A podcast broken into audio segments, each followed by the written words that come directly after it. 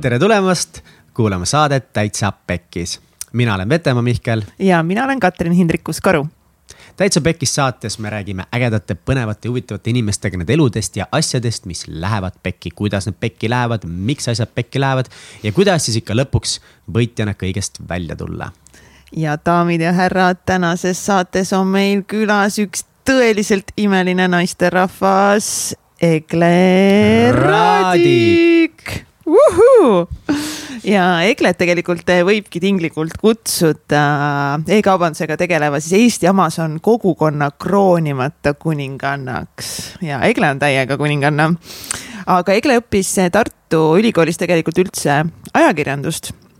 Ja näiteks ta on olnud siis ajakirja Töö tervishoid tegevtoimetaja ajalehe Meditsiiniuudised peatoimetaja ja rahvusvahelise uudiskirja News to Bees ärijuht.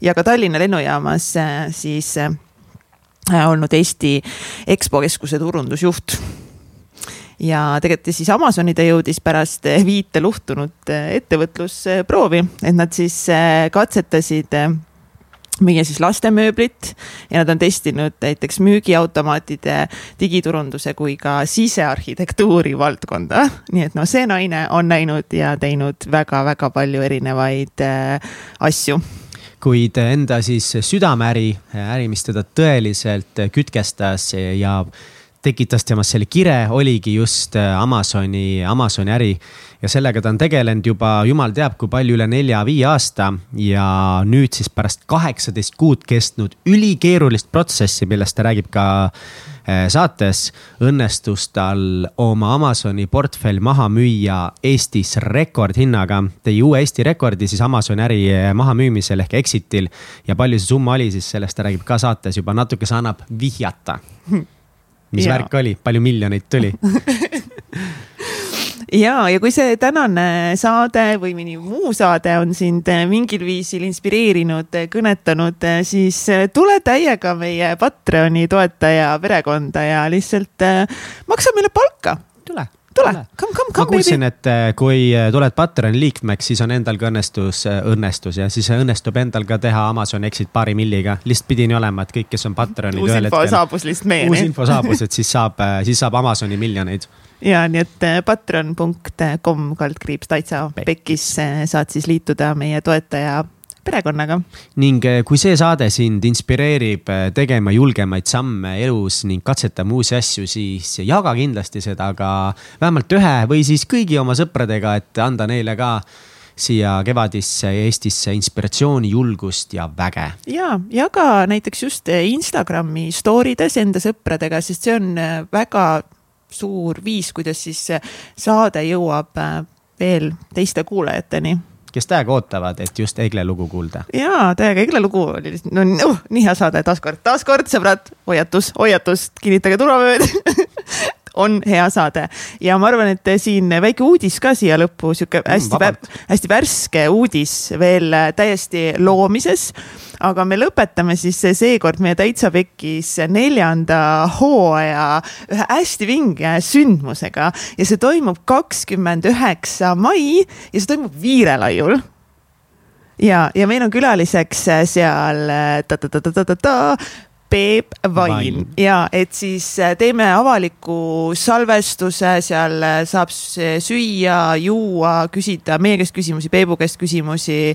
et avaliku podcast'i salvestus ja varsti paneme siis piletid äh, ka juba, juba müüki Ja, nii et aga kakskümmend üheksa saab kirja panna juba. ja viirelaid, nii et, et kes ei ole viirelaiul käinud, siis mina, mina näiteks ei ole.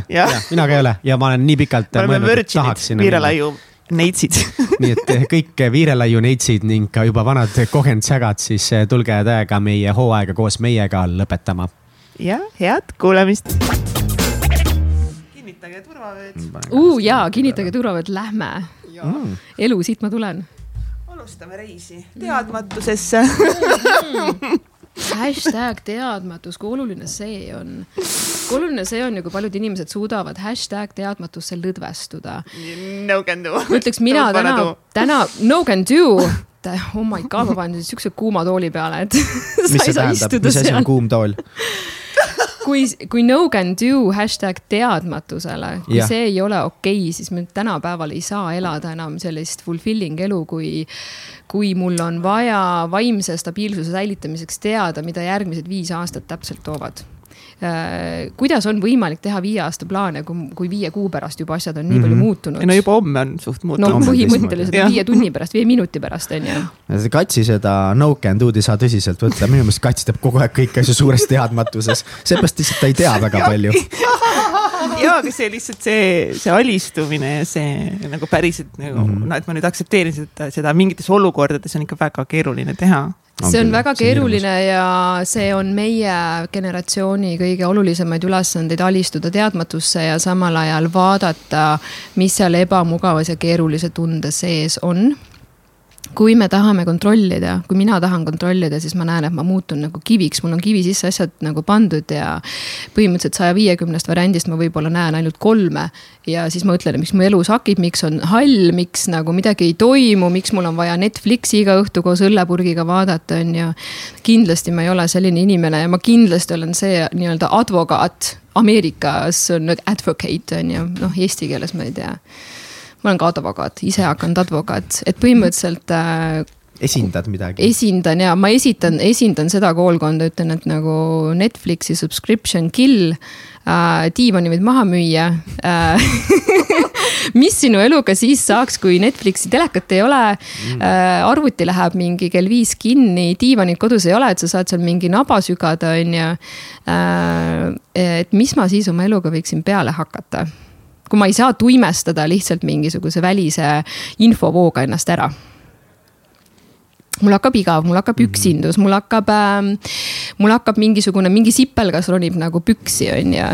et nagu kuskilt hakkab paha, sellepärast et lõpuks ometi ma olen sunnitud vaatama iseenda hinge sisse, mida helli mul siis, mis info tahab siit nagu välja tulla. ja üks koht, mis äh, ma hästi palju sõpradele ja tuttavatele räägin, kui nad on keerulises kohas et miks on meil nagu näiteks depressioon halb, miks on meeleheide halb, miks on kui ma tunnen midagi sihukest keerulist, kus ma ei taha olla, see on ju tegelikult kõige väärtuslikum infokanal. noh, Vremja ta ei ole, uudised, ERR-i uudised see ei ole, aga see on sihuke sisemine nagu noh, sisemine uudisvoog, mis kogu aeg toob mulle uut infot ülesse ja kui ma tuimestan selle sisemise uudisflash'i nagu ära mingi antidepressandi või Netflixiga. kuidas ma siis üldse saan eeldada, et mu elu on värvikas, fulfilled ja nagu huvitav ja kui ma olen, ma ei tea, voodis ja ma enam tol hetkel mitte midagi muuta ei saa.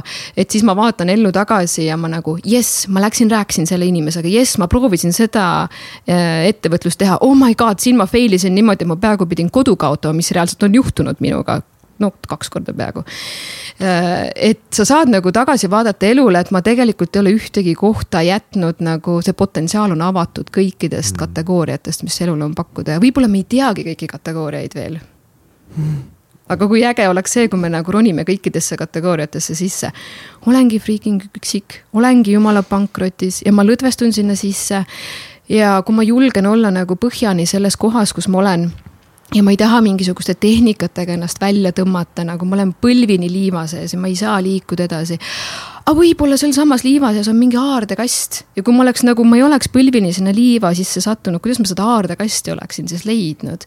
et tegelikult ta kuidagi, seal on nii palju nagu tööriistu selles keerulises kohas, mis avavad uusi uksi, sa ei saa uusi uksi lahti teha, kui sa ei ole valmis võtma vastu keerukust, mida elu nagu sulle näitab jah, on paha olla ja siit tulevad uued asjad.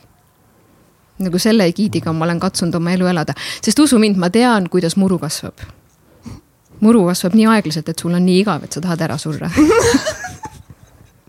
olen pärit pisikesest külast, vähem kui sada inimest, mitte midagi ei toimunud, inimesed jõid ennast surnuks. True story ühest tüübist, Haimre küla Märjamaa lähedal, sõidad poole teel Pärnusse, ilus ristmik mm, -hmm. kena puu on ju, megamaaliline nagu pullerbi. aga true story, üks tüüp oli nii purjus, et lasi traktoril ennast üle sõita nagu ja kui sa lapsena nagu elad nagu sellises reaalsuses, et issand, inimesed nagu elavad oma elu nagu nii. Nad ei väärtusta iseenda nagu füüsilist keha ja vaimu, vaid sa tuimestad ennast alkoholiga nii ära, et sa nagu lased traktoril ennast, nagu sa parandad traktorit ja see traktor sõidab sust üle. ja siis sa nagu kuuled seda ja nagu, mis asi see veel on et nagu see ei toimi, no ma sain nii palju infot selle kohta, et kui sa tahad oma elus midagi luua, siis tegelikult me ei saa oodata. võib-olla see väikese küla kontrast oligi see mm, -hmm. ma teadsin juba väikse lapsena, et ma kindlasti ei suuda pisikeses külas elada, ma siiamaani ei suuda, ma ilmselt sain mingisuguse nii-öelda muru kasvamise jälgimise trauma et äh, ma teadsin, et ma pean kuidagi ise leidma siukseid ägedaid asju maailmast ja neid kuidagi, neid hammasrattaid ise liigutama. no milline see lapsepõlv seal oli veel? Oi, mul oli täielik pullerbi, sest mul oli sisuliselt pool küla oli minu suguvõsa ja siis ma töllerdasin ühe sugulase juurest teise juurde. täiega ainult kutid olidki, me mängisime kivisõda nagu sugulased. ei no selles mõttes, et mul ei olnud. väikse koha värk jah, saan aru ja sa oled nii ähm,, ütleme nii, et uuenduslik ei, ma, ma olin täielik tomboi nagu naiselikkusest ja väikesest teklast ei olnud väga palju haisu ronisime puude otsas, kukkusime pajudega, äh, mängisime kivisõda äh, kohaliku ridaelamu lastega, no noh, ikka tuleb vaata kuidagi pooleks lüüa küla, siis üks pool on ühel pool, teine pool on teisel pool ja siis kes kõvemad on, on ju, ajavad metsas üksteist taga. et noh, sihuke nagu tüüpiline nõukaaja lapsepõlv oli mul ikkagi aga jumal tänatud, mu ema-isa on mõlemad ülikooliharidusega, ma teadsin juba väga-väga nagu varasest peale, et nagu see ei ole see koht, kus, äh, kus ma, kunagi õitseda saan ja mul tol hetkel polnud nagu aimu ka. ma mäletan, et ma olin mingisugune kümneaastane no nagu näitetüdrukud, kes ei ole hobuseul on ju, ma mingi kleepisin ja pasteerisin igast hobusepilte, mis nõukaaegsetest, äh, ma ei tea, asjadest kuskilt oli leida, mis oli väga vähe ja teisele poole sinna vihikusse, ma, ma ei tea, kust see tuli, aga ma kleepisin pilte, kus inimesed suruvad kätt. on mingi umbes kümme asja, mida teha ärikohtumisel ja see oli kümneaastane tüdruk. ja ma ei olnud üldse sihuke, et hei, et kui ma olin tead viiene, et siis ma juba müüsin küpsiseid, on ju, et ma, mul tegelikult ma ei ole alustanud mitte ühtegi ettevõtlust nagu lapsena. aga ma toppisin neid pilte kogu aeg endale mingisugune märkmikutesse, täiesti teadmata, miks ma seda teen tundus äge. Mm -hmm.. jah, ma kuidagi vist tahtsin nagu võõraste fancy'de inimestega kuidagi nagu sõbraks saada või midagi, et ilmselt neid külas ei olnud ja siis sihuke desire oli. No kuidas sa oma vanematega läbi said, milline su suhe oli nendega? noh, see on, ähm, see on selline nõukaaegne idüll, et neid ei ole ju kunagi kodus. et see ongi see nõukaaegne idüll ja siis sa kasvad ise ja kasvad ise nii palju, kui sa kasvada oskad. ja eks tegelikult sealt äh, ma arvan, et äh, minu praegune tegevusvaldkond ähm, sai alguse väga üllataval kombel, sest et mu isa oli ettevõtja, ema oli arst, kõigil mõlemal meeletult palju tööd, on ju. ja olles äh, suhteliselt ainukene tüdruk, noh, õde oli ka meil suguvõsas tüdruk, aga meil rohkem ei olnud, ülejäänud olid poisid, neid võeti alati kaasa töökodadesse, äh, põllu peale, nad said sõita traktorite, kastiautode, kõige sellega, eks ju mina sain ka, aga ma sain oluliselt vähem, mind ei võetud garaaži kaasa.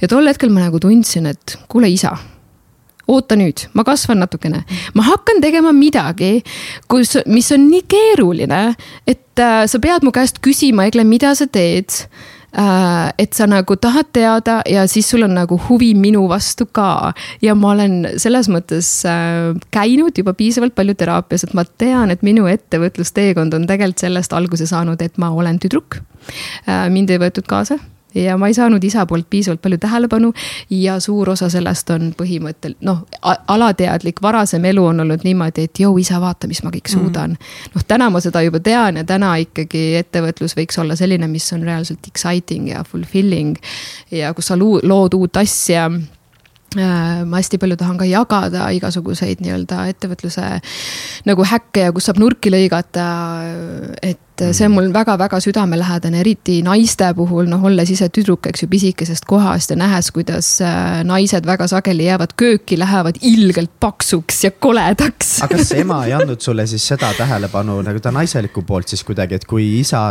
viisid kõik poisid ja mehed käisid seal garaažides, siis emaga võib, ma ei tea, midagi muud teha? tead, ma võib-olla vanaema käest üritasin, vanaema elas samas külas ja siis ma temaga seal tikkisin ja luuletasime, et ema oli, ema oli väga sage sageli öövalvetes ja kui ta tuli, tal oli vaja puhkuseks hetke, et ma lapsena nagu nägin, et tal ei ole väga ressurssi äh, minuga nii-öelda minna kuskile kesa peale mingi lilli korjama, et äh, noh, lapsed saavad ju õhust aru. kas, kas vanemad on, on nagu olemas või nad ei ole olemas, et, äh, et hästi kiiresti võib-olla minu vedru, kus ta läks pingule juba varases lapsepõlves, oli see, et ma nägin, et kui ma tahan midagi luua, et, et ma pean seda ise looma, et. et keegi nagu kandikule ei, ei anna mulle seda ette, et, et ma väga sageli ütlen ka alustavatele ettevõtjatele, et tegelikult meil me kõik alustame ettevõtteid niimoodi, meil ei ole raha, meil ei ole aega, sest enamik inimesi töötab täiskohaga kuskil, sest sa pead ju hinge sees hoidma endal, on ju, et päris nii ei saa, et. ja siis noh, see tulebki sellest, et enamikel meist ei ole rikkaid ja, ja ma ei tea, poliitikate või, või mingite ma ei tea, tehase omanikest sõpru, äh, kus sa saad connection'id panna tööle, et, et ettevõtluse esimene proovikivi justkui ongi see, et sa imed tühjast õhust mingisuguse momentumi välja. ja see ongi ettevõtluse esimene proovikivi, sul ei ole mitte midagi ja sa samas hakkad looma midagi. aga kuidas ähm, noorena nagu see, et, et sa siis pigem nagu olid kõrvale jäetud kuidas see nagu mõjutas sind, kuidas sa tundsid ennast? tead, ma isegi ei tundnud, et ma olen kõrvale jäetud, ma nagu aktsepteerisin fakti, et okei okay,, ema-isa, vaata, see on see, et nende generatsioon oli ellujäämise moodis, nagu kõik meie vanemad. meil, ma isegi mäletan seda, et tulid mingisugused äh, Metsik Roos sarjad ja siuksed ja ma nägin, mingi rahvas kallistab telekas ja siis ma hakkasin isa kallistama ja isa oli nagu. Freeze'is ära mingi esimesed viisteist või viiskümmend korda. ja siis ma mõtlesin, et ma ei tea, see tundub nagu normaalne, et ma teen edasi et äh, me oleme tegelikult oma vanematele, ma arvan, nii palju toonud sellist mm -hmm. lähedust, meie generatsioon mm. -hmm ma ei võtnud seda kuidagi nagu halvasti, et jõu, miks te ei tegele. see ei olnud lihtsalt reaalsusega, meie vanemad ei saanud ka ju lähedust oma vanemate poolt, et sihuke ellujäämise keberniit on olnud nagu kõik need aastad, millal üldse. Need miljonid tuhanded, mis iganes, sajad tuhanded aastad, millal üldse mõttega inimene on eksisteerinud, et. alles meie generatsioon saab tegelikult äh, võimaluse avada oma vaimupotentsiaali tegelikult nagu, kas te saate aru, mis ajahetkel me täna elame. me reaalselt reaalselt ei, noh, vanasti oli ju see, et mees ja naine said kokku, et, et Juuli pidi olema äh, võimeline lapsi saama ja, ja siis äh, ma ei tea, Andres Valgamaa Andres, talu peab olema, noh, elukoht, eks ole. ainukesed kriteeriumid paari suhtes, tegelikult ei olnud muid kriteeriume vaja ja kui me täna räägime hinge täitvast paarisuhtest. Oh my god, mis kõike me tahame, me tahame teatavat keha, me tahame samasugust ähm,. me tahame, et me ei ole päris äh, erineva valdkonna inimesed, et me saaks nii-öelda filosofeerida ja areneda koos. me tahaksime, et meile meeldib samasugune lifestyle, et üks uh -huh. ei ole saja euro tüüp ja teine ei ole, ma ei tea, kümme tuhat eurot ei, ei too kuus sisse, eks ju meil on nii palju neid linnukesi, ma ei tea, kaheksakümmend erinevat linnukese kasti on ju, kui no kui, kui sul on ülesanne, pane oma ideaalne partner nagu paberile, et ma kaheksakümmend kriteeriumi me kindlasti kõik suudame ja, paberile panna ja siis sa mõtled, et jesus nagu. kui ma peaks eeldama, et ma esimese, teise, kolmanda, neljanda inimesega hakkan perekonna looma, aga ma neid kriteeriume on ju nii palju, see on sihuke numbers game tänapäeval, jube raske on tegelikult luua sellist paarisuhet, mis reaalselt oleks fulfilling. Ja siis tuleb jällegi see, et aga võib-olla meil ei ole olegi vaja kõiki neid kaheksakümmend kasti on ju ühe inimesega täita.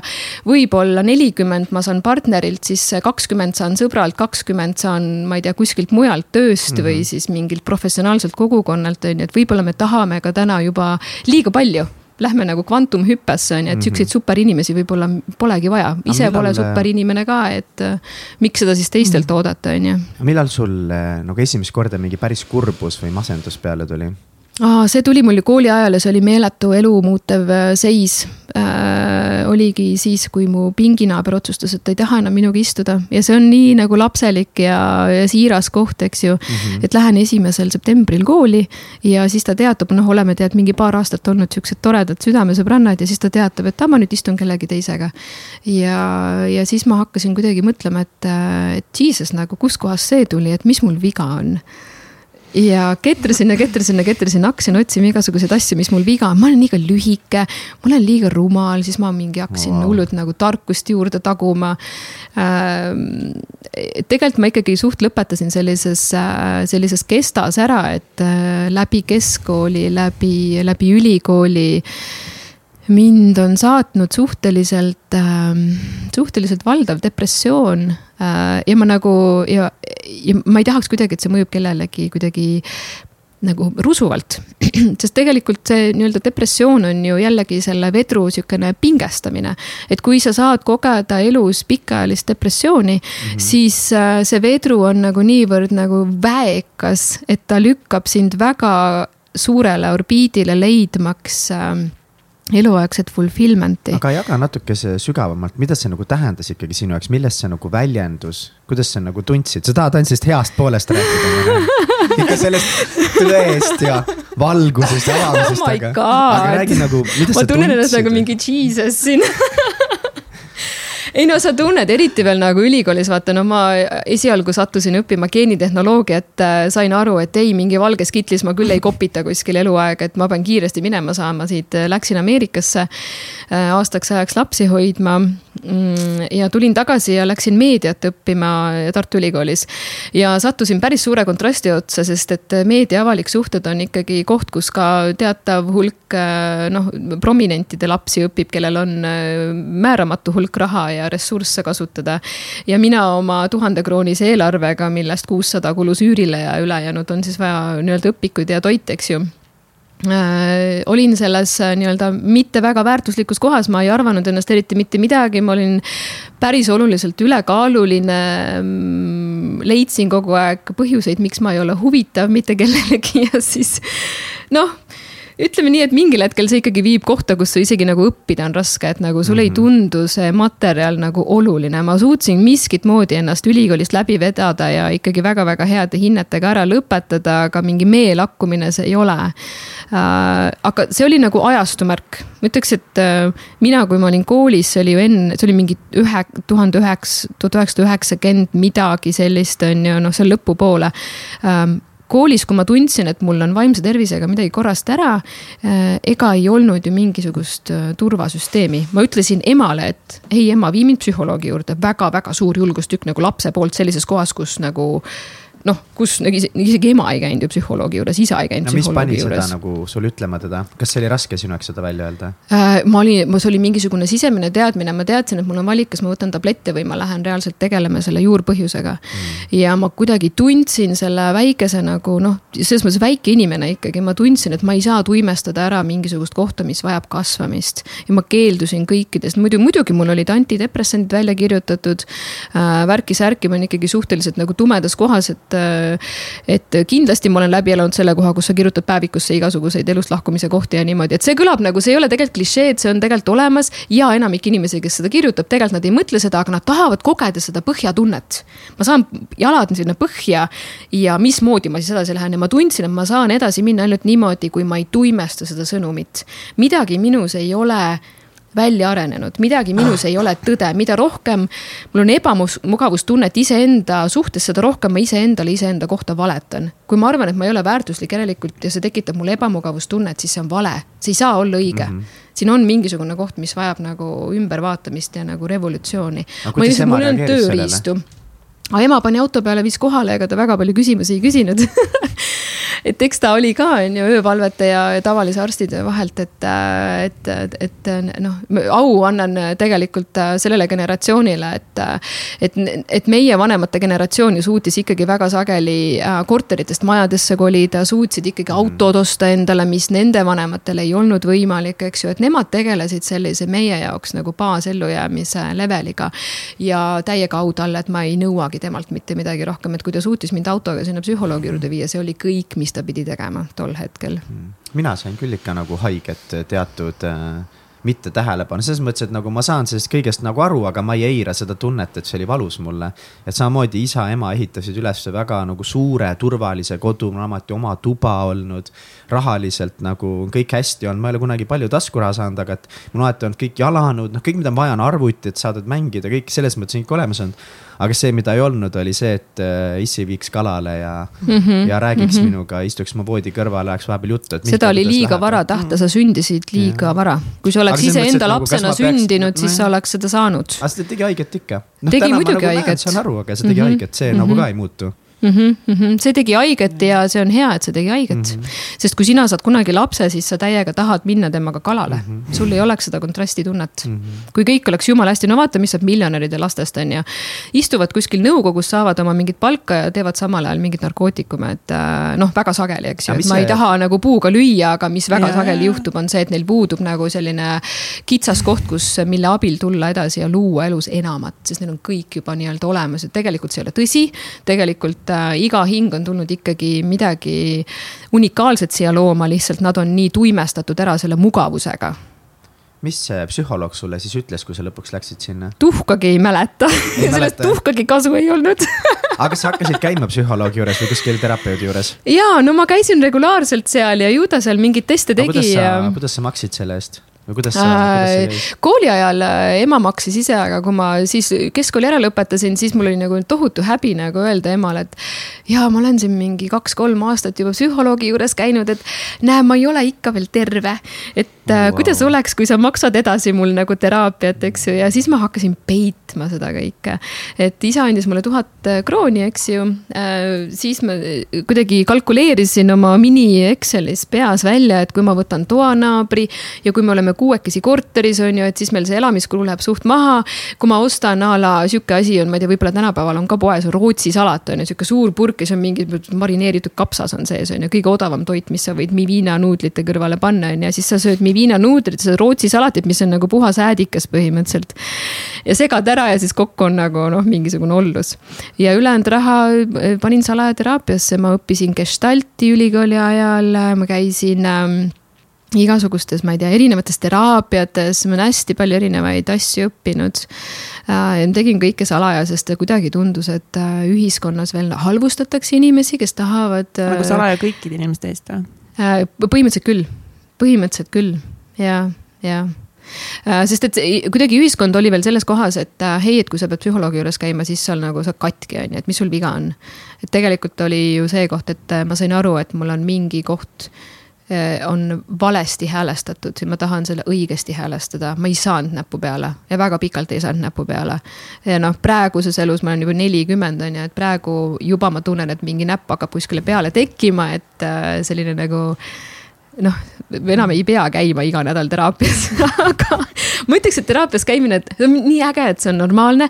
see on nii äge, et ma ausalt öeldes vähemasti kord kuus ikkagi käin, see on nagu toa koristamine, kui ma käin trennis, äh, kammin juuksed ära, noh, naisena teen veel võib-olla küüned ja noh, meigi.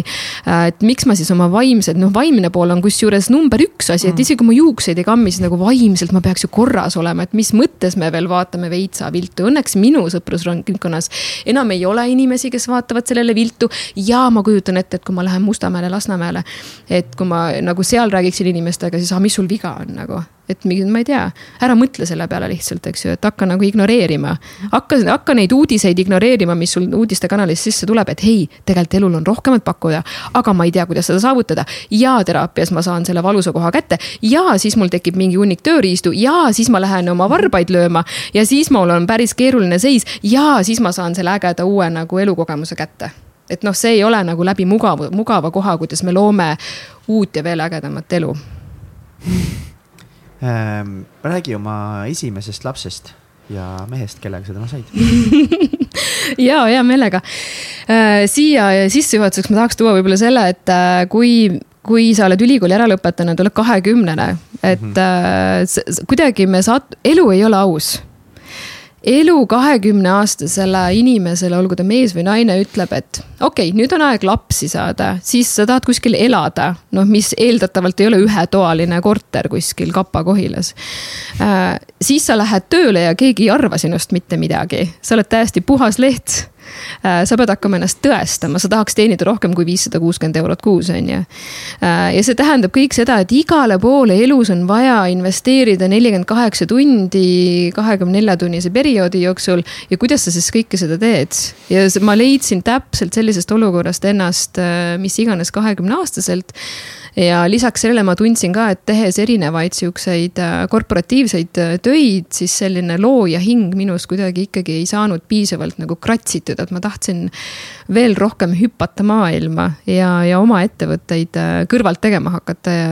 aga, aga laste saamise koha pealt on, on selline kogemus, et mis on hiljem olnud saanud ka võrdväärse Äh, äh, nüüd hilise exit'i kogemusega võrdväärselt keeruline et oma, oma abikaasaga ma tolle, eksabikaasaga kohtusin Ameerikas ja, ja kui ta minu pärast Eestisse tuli, siis, siis otsustasime üpris pea, et jube kihvt oleks lapsi saada ja, ja mina kuuldes no kõikides. oot, ta oli ameeriklane siis? tema on tegelikult bulgaarlane ah,. Bulgaar. ja, aga ta räägib nii perfektselt eesti keelt, et, et keegi ei saa aru, et mm. et on nagu välismaalasega tegu, kui, kui nagu juuksetoon ei ole parasjagu teemaks, et. ja mina kuulsin kõikide sõbrannade käest, et aa, mis see lapse saamine ära ei ole, et hingad lapse välja ja see on mingi meditatiivne ja tore kogemus ja siis ma läksin niimoodi. no võib olla. et fine, ma hingan selle lapse välja ja tuli välja, et, et midagi ma ei hinga, et enam-vähem viimsed hingetõmbed on ju. ja see kogemus oli nii minu jaoks crazy, ma loodan, et ükski rase naine praegu mind ei kuule, aga kui see laps lõpuks oli ära keegi ei kuule, ära muretse. lõpuks, ei, mitte keegi, ma loodan ka. me oleme ainult kolmekesi. ja pealkiri võiks olla Ära kuula eriti kui sa oled rase.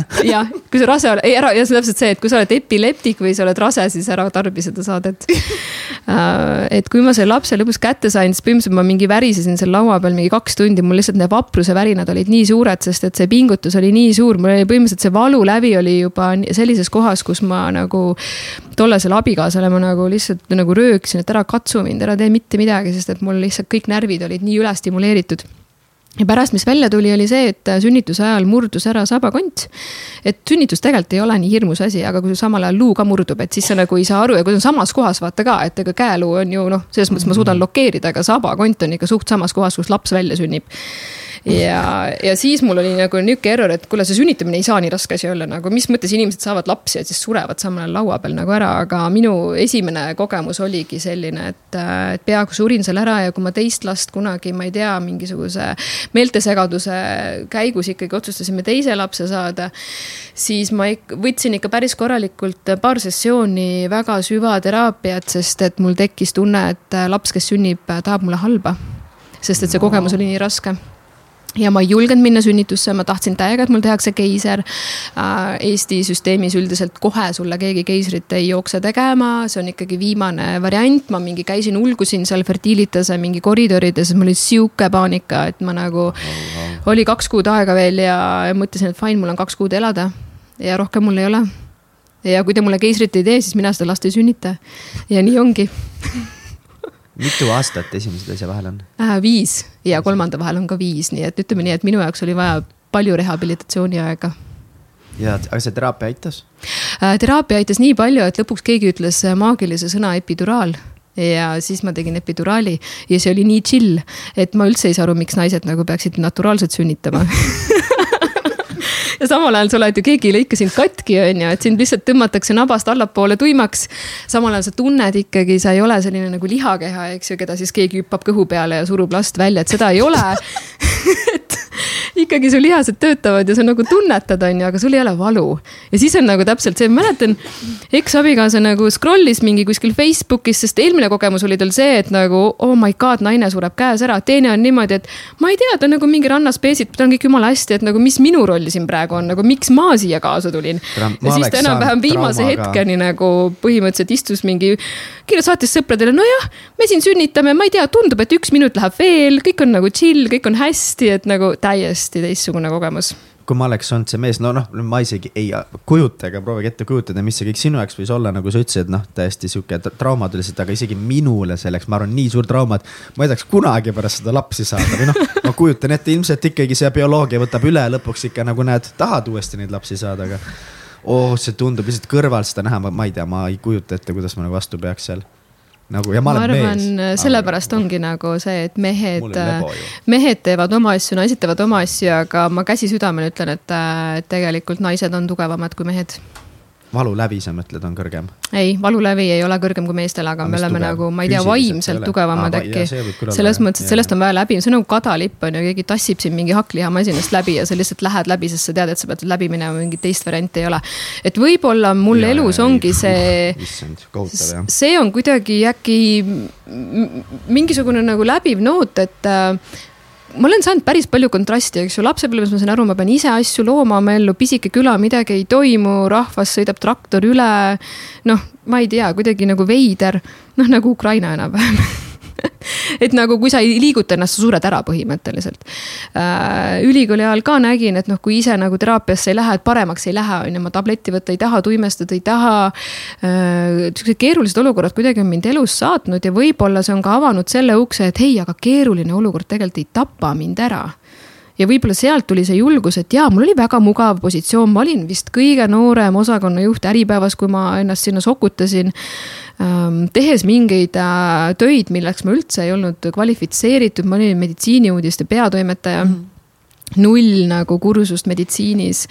mäletan, et mingid doktorid helistasid äh,, ajakirjanikud olid noh, sattunud mingisugusesse keerulisse situatsiooni, siis ja ma võtsin täiesti teadlikult kõik need keerulised kõned ise vastu, sest ma teadsin, et kui ma suudan peegeldada, ma suudan äh, teda tul-, tuua talle nähtavaks. ma suudan selle olukorra ära lahendada, mul on seda elus kunagi vaja ja see, kui sa töötad suures ettevõttes, mida rohkem mul on seal keerulisi ülesandeid lahendada, ma saan põhimõtteliselt tasuta õppida ja ma ma nagu võtsin nii palju äh, sihukesest nagu ärijuhtimise, äri kasvatamise, keeruliste psühholoogiliste ülesannete lahendamise töid enda peale, et mulle lihtsalt äh, iga jumala aasta topiti uus osakond juhtida, nii ma seal juhtisin, juhtisin ja samal ajal sain aru, et nagu ei, et ma ikkagi tahan ise ka asju teha. ja, ja siis iga uue osakonna kõrvalt ma kogu aeg üritasin mingeid uusi ettevõtteid teha ka. ja võib-olla see DNA oli siis juba nii ära kodeeritud, et tead, mis, mul on siin väga vastutusrikas nagu osakond juhtida, mul on siin mingi viisteist inimest mis on way too much on ju, kaks korda nii palju, kui tegelikult ühe inimese all inimesi peaks olema. ja samal ajal oma ettevõtte loomine väikeste laste kõrvalt, see ei tundunudki enam midagi sihukest, mis võiks ära tappa, sest et elu oli kuidagi näidanud, et jõu tüdruk, sa nagu ei sure ära. See on nagu umbrohi, vaata nagu malts, et nagu oled nagu, ei, mitte malts, maltsa on kerge välja tõmmata, ma ütleks, see on nagu see oras, vaata. tõmbad orase välja, aga juur jääb sisse siis ta paneb mingi pea välja sealt mulla alt jälle aga ära ei tapa, aga kuidas ikkagist nagu, nagu üldine nagu tunne oli kõiki neid asju nagu teha, pluss lapsed mm -hmm. ja mhm. alluvad ja kõik see, et nad tõesti ei tapa ära. kõige keerulisem no. tegelikult oli naiselikust perspektiivist, sest kui sa oled osakonnajuht eh,, tahad alustada mingisuguseid põnevaid väljakutseid nagu noh, side hustle'ina nagu eraettevõtluses ka.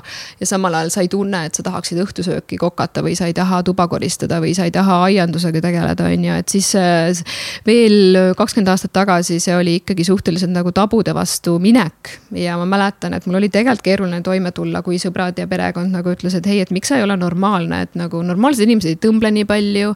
Nad ei ole nagu, ei, ei õpi nii palju, ei käi nii palju konverentsidel, nagu ei taha nii palju maailmast teada saada, et nagu naine ei ole selline ja nagu ma sain nii palju seda infot, et naine ei ole selline äh,. ja siis ma mõtlesin nagu, kuule, aga ma ei tea, see ei kõneta mind üldse, mis sa räägid nagu, et fine, räägi, mis sa tahad, ma panen selle nagu kanali kinni lihtsalt, et panin nagu hääle maha. kogu aeg tuli seda sisse, on ju, et naine pole selline, naine pole selline. aga ma võtsin hääle maha ja siis ma nagu ei kuulnud enam seda informatsiooni, et ma tundsin, et mu sisemine kutse on ikkagi see, et see, see säde mis nagu hinges läheb äh, põlema, see on ikkagi midagi, mida ma pean ise looma. ja siis ma hakkasin looma. esimene ettevõte, katsun nüüd kronoloogiliselt meelde tuletada, no vahet ei ole, läheb üks või teine segamini. Äh, lastemööblit äh, tootsime eksabikaasaga koos. kas sa tulid selle jaoks töölt ära? Tegin kõrvalt, tegin kõrvalt mm, -hmm. no ega see mingil hetkel jõudiski, no lastemööbliettevõtte juures jõudiski siuksele, siis oli veel väike laps ka, side hustle ettevõte, osakonnajuhi töö on ju, kõik on nagu mega-mega intensive. ega selles mõttes Selveris lihaleti ääres nagu lihtsalt tönnida ja siis öelda, et nagu fuck it, ma lähen ära ja ma ei tee ja nagu me ei jõua noh, see on jumala igapäevaelu on ju. eksabikasaga koos tegema neid. ja, hakkasime tegema, no mingeid ma tegin üksi ja siis mingeid äh, noh, mööblit ma tegin temaga. Äh, vending automaate tegin temaga. Ähm, vintage äh, mingi kaupu, mida ma vanalinna poodides müüsin, seda tegin üksi, digiturundusagentuuri tegin üksi, sisearhitektuuri ettevõtet tegin üksi. et nagu sa näed, nad on mega üksteisega seotud, aga ei ole. ehk siis see oli nagu see professionaalne eneseotsimine räägi sellest vending automaš-, vending machine'ide, mis on, kuidas need eesti keeles on? Need on müügiautomaadid. müügiautomaadid, mis sealt osta sai muidu? no põhiline põhjus, miks me otsustasime, et me ei tee enam seda ettevõtlust, ongi see, et ma põhi, ma suutsin maha müüa need või noh, paigaldada siis koolides. spordi. kas see oli sellel ajal, kui sul veel oli see puusavigastus ka või? Äh, sabakont oli katki. Ja noh, ta oli üks esimesi ettevõtteid, et ja, et ma korra lõpetan lause, et ja, ma, sellepärast, et miks me seda enam edasi ei teinud, oli see, et ma suutsin äh, paigaldada need ettevõtted, need lepingud sõlmida lasteasutustega. Ja, ja me ei tahtnud lõpuks enam, kui meil endal sündis laps, et kuidas ma nagu müün lastele Snickersit ja Coca-Colat, on ju. et ma kuidagi ei taha panustada selle crap'i taassöömisesse, aga ma ma kuidagi läksin sellise roosa prilliga peale, et fine elu, anna mulle challenge, et mul on siin väike laps, mul on siin põhitoaga töö, mul ei ole aega et veel mingisugune ja siis need koolid ja spordiasutused, nad on ju lahti mingi üheksast viieni või üheksast mingi üheksani, on ju.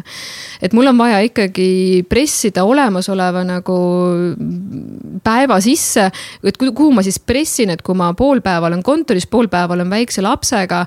et kus ma selle ajaressursi siis tekitan, no fine, laps magab, on ju, mingisugune tead kakskümmend minutit siis ma kärutasin kesklinnas ringi, seni kuni lapse sain autos magama, no ilusti kõht täis söödetud ja mähe on vahetatud. ja nii kui ta magama jäi, tõmbasin hopsti nagu kuskile spordihoone juurde parklasse, siva-siva vudisin sinna administraatori juurde, tegin oma müügipitši ära, ise vaatasin kogu aeg kella pealt, mitu minutit mul veel jäänud on, lükkasin mingid nurgad maha, on ju, mingist sellest müügikõnest. et kui juba aeg hakkas otsa saama ja põhimõtteliselt, äh, põhimõtteliselt müüsin niimoodi, laps, laps magas autos, muidu kui ma Ameerikas oleks, ma oleks ammu juba vangi pandud, et äh, et niimoodi ei tohi tegelikult oma lapsi jätta, aga õnneks see oli, keegi ei saanud teada ja ja laps on elus aga sa mingid valuvaigisteid võtsid ka samal ajal või, või kas see puusa nagu mõjutas ka kogu seda business'i tegemist? ja, ja selles mõttes, et see. puusa ütlen, sabakont. sabakont Saba, ma arvan, et sul on või puusas mingi issi ja sa äkki endale. sa ise mingisugune ora otsas istud praegu ma võtsin päris tugevaid valuvaigistusi, ma tõmbasin ennast sealt autost välja nagu mingi pensionär, et see kuidagi võis nagu näida väga tragikoomiline välja, et endal on mingi väike beebi kuskil taga ja siis tõmbad ennast välja nagu mingisugune noh, ratastooli haige enam-vähem. ja ma ei tea, kuidas see mul võimalik oli, aga kümme päeva pärast seda crazy't sünnitust ma suutsin veel kümnekilomeetrise jooksu ära teha ju sellepärast, et kükke ja isteid ei olnud vaja seal teha, on ju, et seni, kuni sa püsti oled, seni on kõik okei okay,, aga nii kui sa istud, siis püsti enam ei saa et sealt ikkagi, et autost välja saada, siis oli ikka vaja kõva mingisugune kaheksasajane ibuprofeeni laks nagu sisse võtta, et aga ma ei tea, mul oli jällegi nagu see tunnetus, et aga miski ei tapa mind ära, elu on üritanud nii sageli nagu panna mind kohta, et nagu anna alla, ära tee. ja ma nägin, et ei, et midagi ei juhtu, ma nagu ei hävine, et ega see ka mind ei hävita. ja fine, anna mulle siis uusi kohti ja see on nüüd üks koht, kus äh, Äh, praeguses Amazoni äris, äh, kui me läksime exit'it tegema ja kogu see asi läks nii-nii keeruliseks. Äh, ma teadsin, et mul ei ole varianti, ma lihtsalt lähen läbi, ma lähen läbi sellisest keerukusest, kus see kogu see protsess läks kolm korda pikemaks, me olime põhimõtteliselt kolmesaja tuhandega miinuses, ma pidin peaaegu kodust ilma jääma.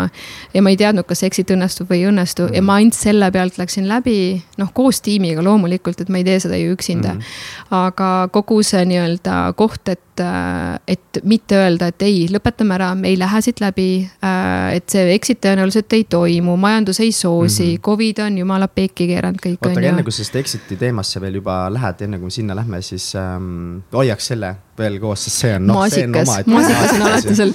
aga mis, mis nendest teistest ettevõtetest sai, et kas sul on siis kuskil nüüd mingi neli-viis ettevõtet, mis toodavad ka veel rahhi ja? ei, rahhi sealt ei tule nagu selles mõttes rahhi ei tulnud sealt kunagi, et seal läks ainult nagu higi läks sisse, aga rahhi välja ei tulnud et nagu läks pekki, aga sinus ikkagi see seisukoht seal oli, et see on okei okay,, et vaata pekki läheb, et. see oli väga okei okay.. ei ole see, et see on nagu hinnang sulle, et ju ma ei ole siis mõeldud ettevõtluseks. see oli pigem, et ju, äh, ju midagi uut tahab veel tulla, ju see, mida ma praegu teen, no tegelikult, mis kogemuse ma sealt sain, äh, need ettevõtlused ei olnud ju mitte kuidagi üksteisega seotud, aga kui ma panen praegu Amazoni konteksti, et a la tootearendus, turundus, äh, disainmõtlemine, kõik see on mul praegu vajalik ja kui ma oleksin pidanud pidanud nagu loogiliselt endale ära seletama, et miks mul on vaja sisearhitektuuri, digiturundust, ma ei tea, vending automaate nagu lastemööblit. et need asjad ei, seal puudub tegelikult ühine nimetaja, igasugune ühine nimetaja ja, ja samas on ikkagi see, et elu kuidagi valmistab sind ette mingisuguses kohas, kus sa jällegi kasutad mm. kõiki neid asju ära.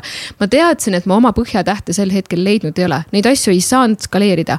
mööbli puhul oli vaja sisustada mingisugune, tead, osta mingi ilge aparatuur, millega tootma hakata digiturundusettevõttes ma oleks alati olnud pudelikael samamoodi sisearhitektuuris peadisainer on see, kelle laua pealt kõik asjad käivad läbi ja kui mina olen see pudelikael, siis ma ei, tegelikult ei saa skaleerida lõputult, on ju. Äh, ja vintage'iga vist oli ka, et ma ei tahtnud neid seadmeid osta ja nägin, et nagu see on monkey business, et iga tüki pealt mingi euro kasumit teenida, et see noh, Eesti kontekstis ei toimi. no ja siis ilmselt elu lihtsalt juhatas sind sinna, et äh, tüdruk, mine globaalseks, hakka teenindama miljoneid kliente ja pane kõik see kompott nagu, kõik need asjad pane ühte mm -hmm. kompotti ja siis see kompott täiega maitseb hästi ka no kuidas siis üldse avastasid või tulid Amazon äri peale, kuidas see kõik üldse algas? see oli äh, paras äh,, ma arvan, et elu mängis selle kätte mõnes mõttes, et ma olin väga sageli kade inimeste peale, kes justkui nagu juhuslikult alustasid midagi, mis äh, hiljem läks hästi suureks ja kuidagi juhtus nii naturaalselt ja. ja nagu kaardid nagu olid nende poole nagu õigete nagu noh, pooltega ja, ja kuidagi pärituul oli sihuke, et ah, ma hakkasin tegema ja siis mingi kliendid tulid ja ma olin nagu, see oli nagu, ma lihtsalt hingasin kuidagi ennast sinna mingisugusesse nagu suurettevõtja kategooriasse, et aastaga seitsmekümne töötajani on ju et noh, nagu need startup induse elu, edulood on. et noh, tegelik, tegelik elu on ju see et, et üheksakümmend protsenti läheb, läheb pekki nagu minu puhul ja ja see jää peal, jäämäe pealne osa on ainult see, mida me justkui võtame normaalsusena, aga me ei võta seda normaalsusena, et aga aga kas siis on ebanormaalne proovida viite-kuut erinevat ettevõtet ja pekki minna sellega, et see on tegelikult väga normaalne, et miks me arvame, et meie peame olema see pisikene mingi viis protsenti, kes kohe läheb, kohe õnnestub, et kuskohast see tuleb. et kui sul on kõik need ebaõnnestumise kohad õppimata, kuidas sa siis üldse saad eeldada, et sa õnnestud? miks sa nagu arvad, et sul peaks olema mingi nurgad lõigatud ja sul peaks olema mingisugune kiirlift saja viiekümnendale korrusele? Noh, kui sa pole nagu vundamentigi ehitanud endale. aga kuidas mulle, ma arvan, et see on niimoodi, et kui sul on mingi teadmiste pagas, et sa oled piisavalt palju nagu testinud, fail inud võtnud siit õppetunde kaasa, siis mingid uued asjad klikivad sinu jaoks ära. me elasime mm. perega tol hetkel kuus kuud, võtsime eesmärgiks elada Aasias ja ma elasin Ridaka boksis äh, koos lastega, kus oli bassein äh,. ja elama asudes sinna märkasin, et ta on mingisugune sihukene suhteliselt suurekaaluline naine on, on meil naabriks, hakkasime juttu rääkima, tuli välja, et äh, töötab politseiametis assistendina äh,. puhkab praegu ja ta müüb popkorni pitsat, mis on üle kalatud šokolaadiga Amazonis ja ma mõtlesin nagu jesus, kuidas see võimalik on, et nagu nii lambikas toode ja tal oli kaasas ka ja see maitses nii lääge, nii magus nagu. Oh my god, nagu mul, mul oli vaja nagu liiter vett ära juua pärast seda suhkrukogust, kui ma nagu ühe tüki võtsin, et see ei ole, no see on täielik made in America on ju, only for America ja ta tegi sellega kolm tuhat äh, dollarit kuukäivet. mina tol hetkel, kes ma siis oli, noh, me läksime Aasiasse elama põhimõtteliselt neljakuuse kolmanda lapsega ja siis kaks poissi olid vanemad mina, kes ma täiega, jah, mul oli ema palk on ju, aga täiega hustle isin sel hetkel sisearhitektuuri ettevõttega, tead, olin nõus saja euro eest mingeid projekte tegema, et lihtsalt saada portfooliosse mingisuguseid mm. nagu asju, et mul ei ole tühimik, on ju ja ma, ja siis tuli klient tagasi enam-vähem seitsmeteistkümnendat korda, et kuule, ma ei tea, see lambitoon ei sobi mulle. ja siis oli nagu, panin peaga nii vastu seina ja kui ma kuulsin, et oh, kolm tuhat dollarit nagu sihukese jõledusega. Et nagu, mida sa teed nagu? Et ma olin sinuga basseinis ujunud, ma olin sinuga mõtteid vahetanud, sa ei ole nagu mingi ilge elugeenius, ma ei ole mingi ilge elugeenius, on ju mõlemad me teeme mingit tavalist hustle'it, et äh, ma pidin nagu sisse vaatama, et mis värk on. Ma hakkasin sisse vaatama ja siis äh, põhimõtteliselt äh, eksabikaasa kaotas mind mingi neljaks kuuks lihtsalt ära, ma olin nagu, ma olin kadunud hing. sest ma istusin, sorteerisin äh, konkurentide eelarveid, vaatasin, noh, Amazonis on ju kõik nii hästi näha, ma põhimõtteliselt näen ära, kui sa müüd oma mingisugust, ma ei tea, tsikli varuosa, ma täpselt tean, palju sa raha teenid, ma tean, kui palju su marginaal on, sest ma enam-vähem tean, mis on see sisseostuhind on ju, palju on turundus ja palju Amazon endale raha võtab. ja see oli kõik nii mega huvitav, et ma sisuliselt kadusin ära kõikide jaoks ja ma istusingi mingi üheksast kella kaheni. no üheksast õhtul, sest lapsed läksid magama kella kaheni öösel, et ma saaks rahulikult keskenduda, olla, kursuseid vaadata. ja, ja siis vaatasin laste eest ja siis üritasin äh, nagu, et mees ei unustaks mu nime ära, on ju, et nii palju neid äh, rolle oli kanda tol hetkel.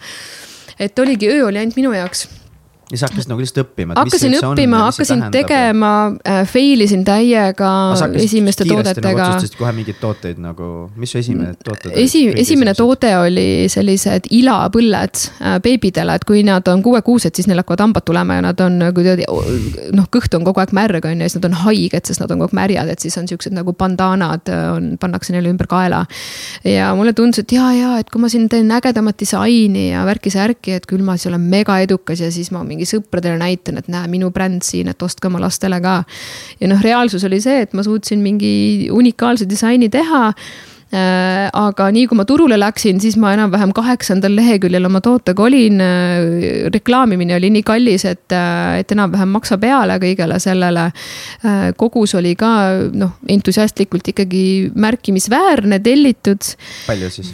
No ma kujutan ette, et ma tol hetkel äkki teenisin, tellisin mingisugune seitsesada setti, et alustuseks oli päris palju mida ma kindlasti nagu praegu ei soovita, et ikkagi testime natukene kas mhm. viiesajaga või mhm. midagi. -hmm. et ma ikkagi panin päris palju, et jah, ma teenisin, mul oli tol hetkel tegelikult noh, see sisearhitektuuri ma üritasin käima saada, aga digiturunduse toimis, et sealt ma ikkagi sain mingit raha. Äh, emapalka tuli, et no kõik lõin laiaks, kõik läks laiaks ja rohkemgi veel, on ju. et mis iganes tulumaksu tagastused või ma ei tea, mingid metsatüki müügid on ju kuskilt, et kõik läks sinna, et see. või? ja ja, ja, et noh, tol hetkel põhimõtteliselt me elasimegi eksabikaasaga sellist elu, et.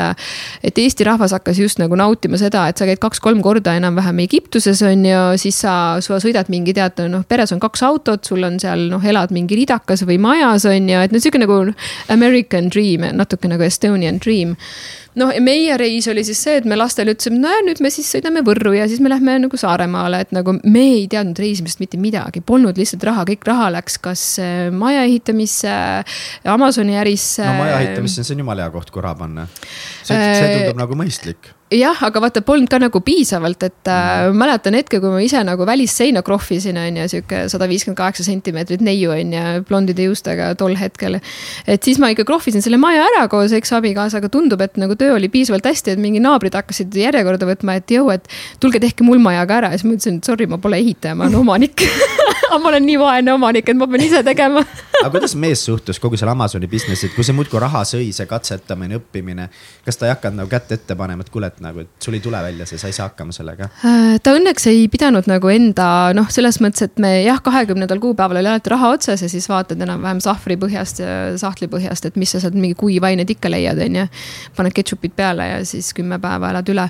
aga ma investeerisin selle raha, mida ma teiste side hustle itega suutsin tekitada, et ma nagu tema käest kunagi ei pidanud äh, küsima, et tema investeeris oma vabad sendid saagis senti nagu ehitusse.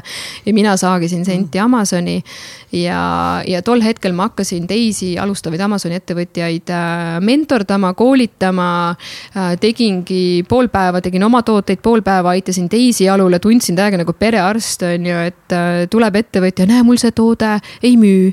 okei okay,, mis me teeme, mul see idee, ei tea, kas oleks kasumlik on ju, et noh, siis sisuliselt pool päeva nagu tegelesin teiste jalule aitamisega. aga kuidas ja... sul endal samal ajal Amazonis läks? See on nagu, sa tulistad nagu, nagu, nagu pimedusse ja vaatad, kas saad pihta noh, see oli see, kuidas ma alustasin ja esimesed paar läksid ikka täiega, täiega pekki, et äh, hakkasin äh,, hakkasin, mõtlesin, et okei okay,, et läheks nagu suuremate toodete kategooriasse, et seal on vähem konkurentsi. ei no lasin hävitada, mis nendest ikka. osa lasin Eestisse tuua ja siis müün, müüsin ta mingi viiekümne sendise rahaga kuskile kohalikku lastepoodi ja siis läksin selle hiiglasliku kastiga neile sinna ukse taha, et müüge maha, on ju et noh, midagi sa pead ju selle kaubaga mhm. tegema, et eh, hävitamine Amazonis on ka raha, et äh, päris tasuta nagu keegi ei, ei liiguta su kaupa välja, et maksad igal juhul, kas noh, selles nagu pääsu pole Davai. siis mõtlesin, et fine, et ma lähen nagu äh, suurtesse toodetesse, seal konkurentsi on vähem, kuna see on kallim ja see on keerulisem, et teen siis kokkuklapitavaid äh, tasakaalupoome lastele Äh, ja vaatasin, et jaa, väga tore, et saab viiekohalist käivet teha, kakskümmend tuhat kuus käivet. Äh, konkurente väga palju pole. Äh, nagu sisenemisnurk on olemas, ma saan ära defineerida, mis värvidega need võiks olla, saan testida, küsida Facebooki gruppidest. ja siis ma seal istusin ninapidi on ju, olin nii vaimustuses kõigest sellest, tellisin esimese näidise ja, ja siis tegin paki lahti, ta oli nagu kott ümber ja see nagu haises nagu mingi tõhk oh my god, nagu me ei saa Ameerikasse saata sihukest kraami, et nagu see klient paneb selle peale juba paneb ühe tärni review, et see lõhnab nagu mingi noh, nagu viimane katselabor on ju, et nagu see ei ole tervislik, et ma saan kohe mingi surmava haiguse, kui ma selle koti lahti teen. ja tuli välja, et see oli selle nii-öelda kott oli veekindel ja siis ütlesime tehasele, et no fine, et võtke see haisev kilekiht sealt siis ära, et see kile põhimõtteliselt haises et äh, võtke see kilekiht ära ja saatke siis äh, ülejäänud tooted Amazoni. ja seda nad tegid loomulikult, rivistusid nagu meie järgi ja saatsid tooted Amazoni. ja nii kui tooted Amazoni jõudsid, siis hakkasime saama ühe tärni review sid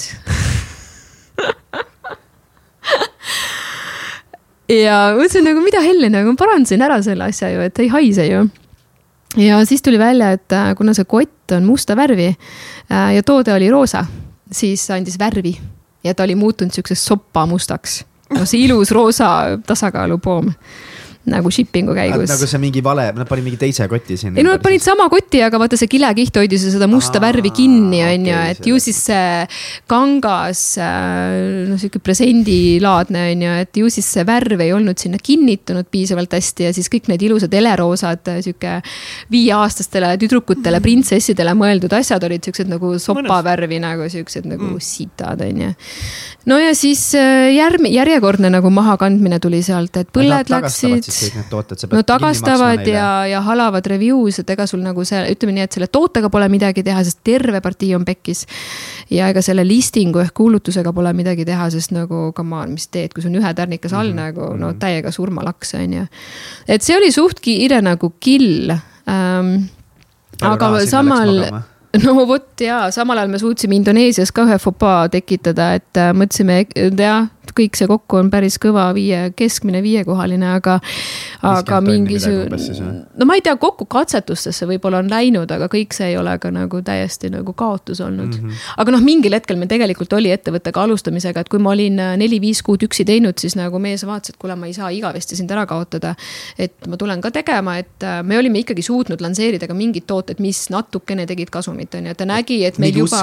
jah, nagu, midagi nagu jäi, et kõik ei ole täielik nagu fail on ju aga noh, siis me nägime, et äh, kaotused on olnud päris suured ja ikka mingil hetkel pidime nagu, kuna me olime kolimas nagunii korterist majja.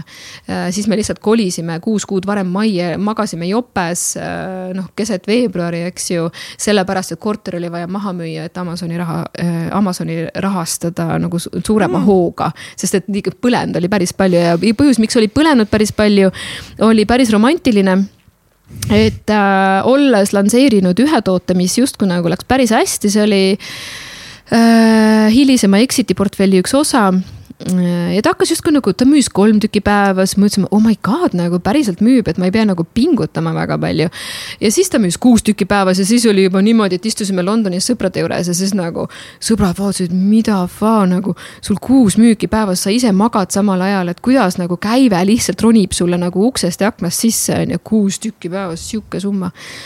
ja tekkis meeletu eneseusk ja selle eneseusu pealt ütlesime emale, et äh, me oleme kolm nädalat Indoneesias, käime kõik tehased läbi, võtame sealt konteineriga täie nagu tavaari ja sealt tuleb uus edulaine, on ju Läksime, istusime rolleri otsa, väga äge, kohtusime tootjatega, pereettevõtjad, kõik siuksed meganunnud on ju, et hästi romantiline oleks olnud kirjutada oma poe kuskile tutvustusse, et ja me töötame pisikeste peredega ja mm -hmm. finantseerime mingi Indoneesia mingi tüdrukute koole ja nagu. kogu see nagu story yes. hakkas rulluma nagu lahti nii romantiliselt, et nagu selle hoo pealt sa paned veel kaugemale. Source'id veel rohkem asju, leiad selle viimase kopika ka veel oma taskust on ju, et nagu toodet alla ära panna ja me ladusime konteineri tavaari täis, jumala happy'd, sõitsime Eestisse ära. Ja kui see konteiner siis Ameerikasse jõudis, tuli välja, et ühe rea peal oli valesti vormistatud tollidokumentatsiooni üks nõue, et vastuvõtja ettevõte oli vale. ja seda konteinerit Ameerikasse sisse võtta ei saanud, kui sa saadad selle Ameerika pinnale, siis ootab mingisugune seitsme poole tuhande dollariline trahv ja kui sa ja ainukene viis seda parandada on terve konteiner saata tagasi Indoneesiasse, mis maksab mingisugune neli tuhat dollarit, aga ta tuleb ju Indoneesiast tagasi Ameerikasse saata, mis on kokku kaheksa tuhat dollarit. ehk siis nagu kaalukausi peal oli see, et me viime Ameerikasse, saame seitse tonna või siis saadame Indoneesiasse tagasi, see on kaheksa tonna. ja nagu mõlemad variandid olid nagu ei, mulle ei sobi ükski nendest ja siis kogu see konteineri noh väärtus, eks ju, et seal oli ikkagi üle kümne tuhande äh, dollari eest nagu kaupa sees, see konteiner oli nagu pilgeni meie tavaari täis, romantilist tavaari ja siis oli see hetk, et äh, aga me enam ei vasta nendele meilidele, mis tollist tulevad.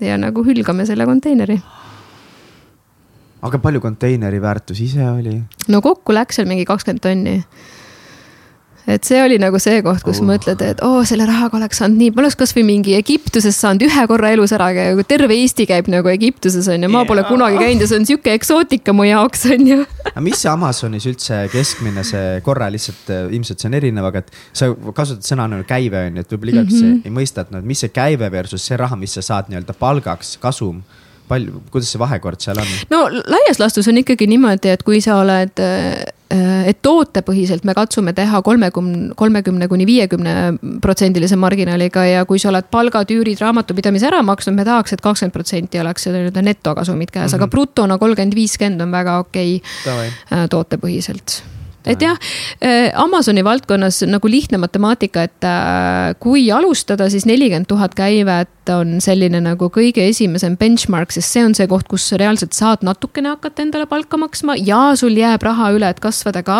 enne seda kindlasti ma ei soovitaks raha välja võtta, aga kindlasti peab arvestama, et kolm-neli toodet on vaja läbi testida. kindlasti mitte selliste fopaadega, nagu mina tegin. ma loodan, et seda ka enam ei juhtu, et noh, tol hetkel, kui mina alustasin, see oli ikkagi nagu metsik lääs, et infot ei olnud. ise kuidagi põlve otsas leiutatud, Amazon nägi välja nagu mingisugune MS-DOS on ju.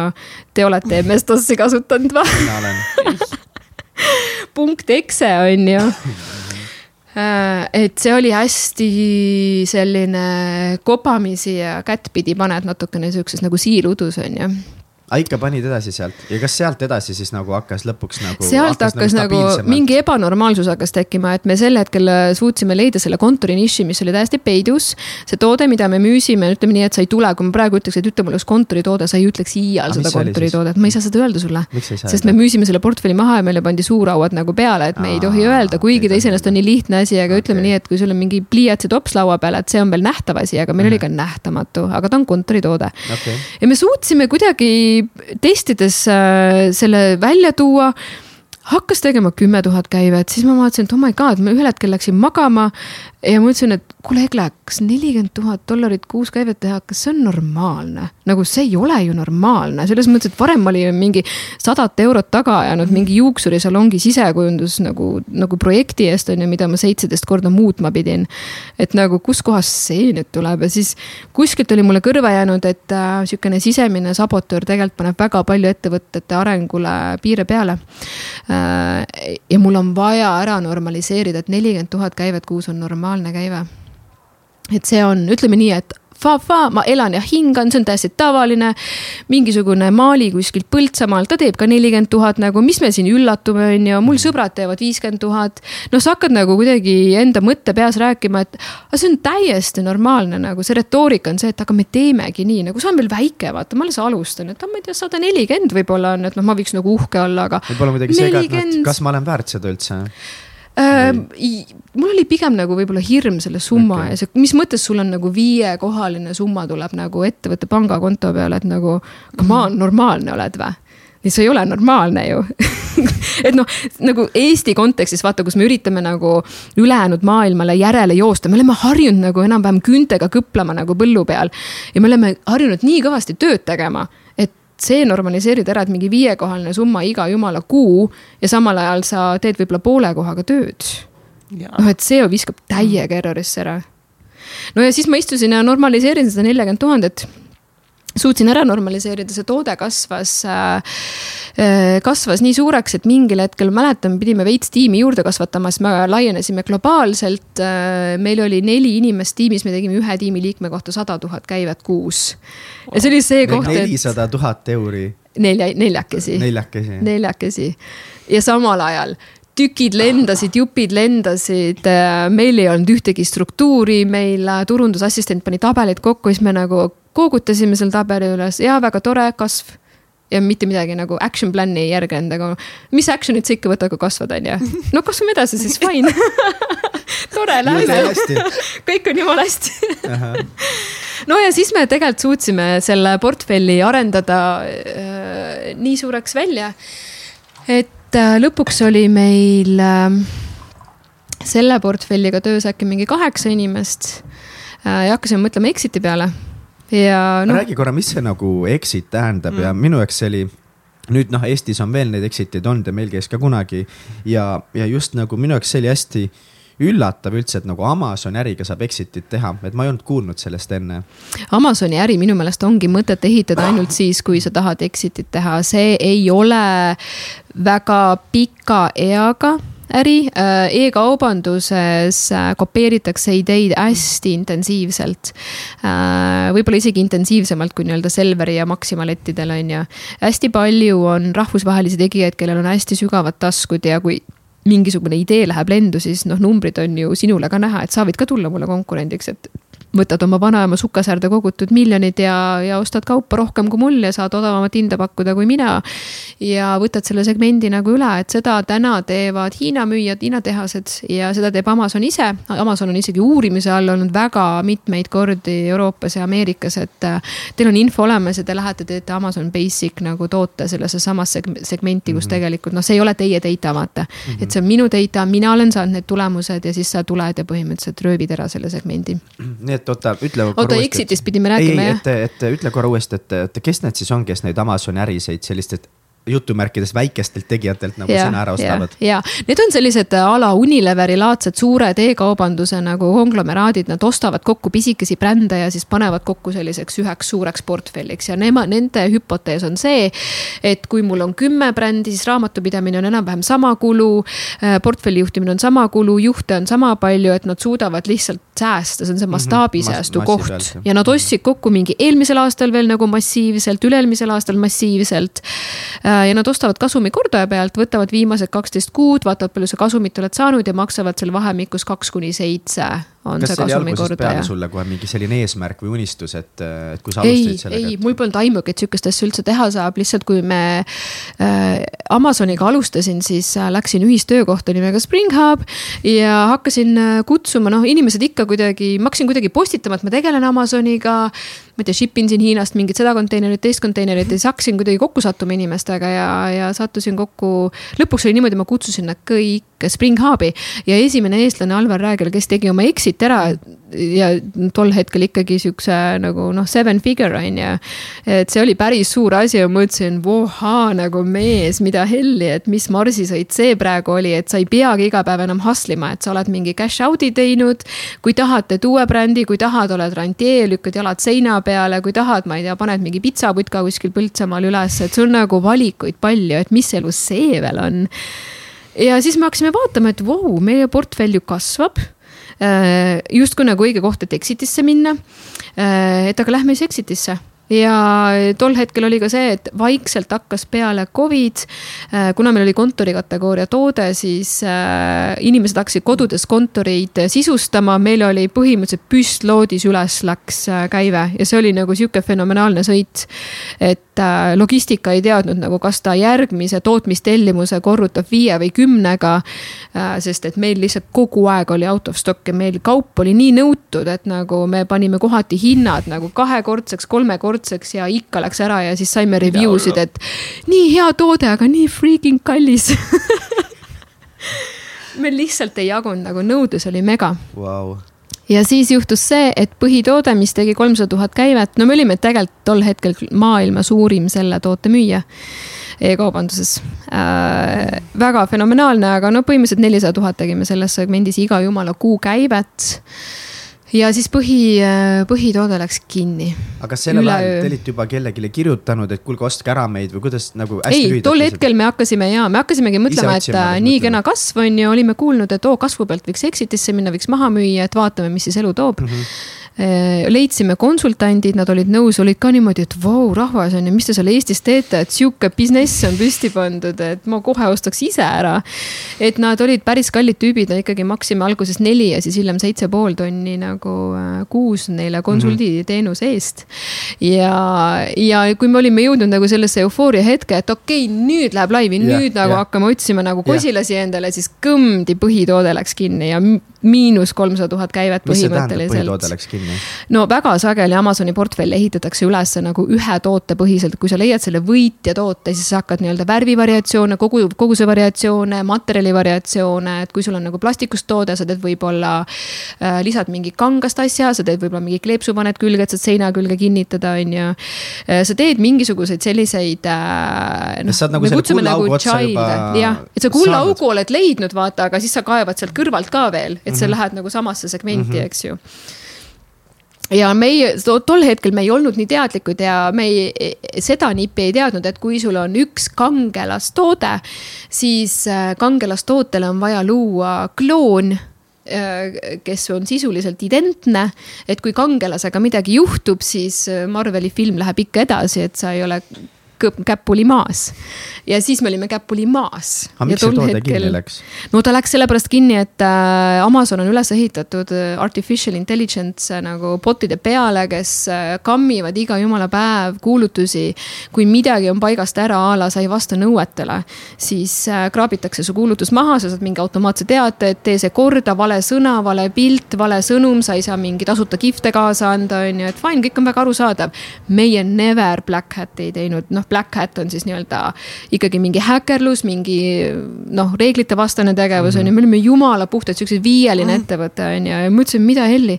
kuskohast see tuleb, et meie listing pannakse kinni, kõik on jumalast korras. Ja pärast tuli välja, et Amazon oli teinud mingi süsteemi uuenduse, kus kategooria enam ei sobinud, meil oli kontori kategooria toode, jääkid siis enam ei sobinud kirjutasime support'i, helistasime support'i, noh, see on täpselt nii, et Eestis kell neli on Ameerika hommik, iga jumala päev, see on nagu kell neli, kui sa tahaks koju minna ketrad support'i, siis sa lähed esimesest layer'ist läbi, noh, esimene hindu on ju, siis tuleb teine hindu ja siis tuleb kolmas hindu ja siis võib-olla saad ameeriklase juurde, kelle keeles sa saad aru lõpuks ometi, et kellel ei ole kuum kartul suus ja keda sa nagu desinfreerid, on ju, pool sellest vestlusest. ja, ja see kestab kuus kuud ja sa ei saa, nii kui see, need hindud või ameeriklased äh, fix ivad süsteemis errori ära artificial intelligence tuleb ja kirjutab selle üle, sest et nagu ega support'i inimene ei lähe ju süsteemi üle progra- programmeerima. ja täiesti meeleheide oli, meil oli sihuke meeleheide, et, et eks-abikaasaga võtsime lapsed. ja oligi sihuke sügisene aeg, oktoober äkki ja läksime Kreetale, mõtlesime, et fine, et nagu meeleheitel on palju parem olla, kui päike paistab peale, on ju, et noh, case itame siis päikese alt, jalad on basseinis, lapsed on mingi ujuvad, on ju, all inclusive. et ma ei pea kokkama, keegi ei pea koristama, et fine, noh, elame siis nagu selle raske hetke sealt üle, et case itame ära seitsme päevaga saame, noh, case itamine tähendab seda, suhtled ja saad vastuseid, on ju et teeme korda, pole hullu, mõtlesime, et jumala geniaalne häkk ja Kreetale jõudes tuli välja tõsiasi, et ega see internet nagu seal ei ole sihuke inimõigus nagu Eestis mm.. tegime kõnesid, saime kellegi toru otsa, katkes ära, tegime kõnesid, saime kellegi toru otsa, no Skype katkeb ära. ja mäletan, eks abikaasa tegi sisuliselt, ütles, et see on sihuke loll nagu lamba järjekindlus, et ma lihtsalt teen iga jumala päev, kuni ma saan hakkama, et vahet ei ole internet internetiks, et äh, panen siis tuvipostiga on nagu vaja. ja siis enam-vähem mingi puhkuse kuuendal päeval oli niimoodi, et oli vist juba mingisugune kolm tundi telefoni otsas istunud, oodanud ühest osakonnast teise seda transfer'it ja siis ta sai lõpuks nagu mõtleva inimese jutule.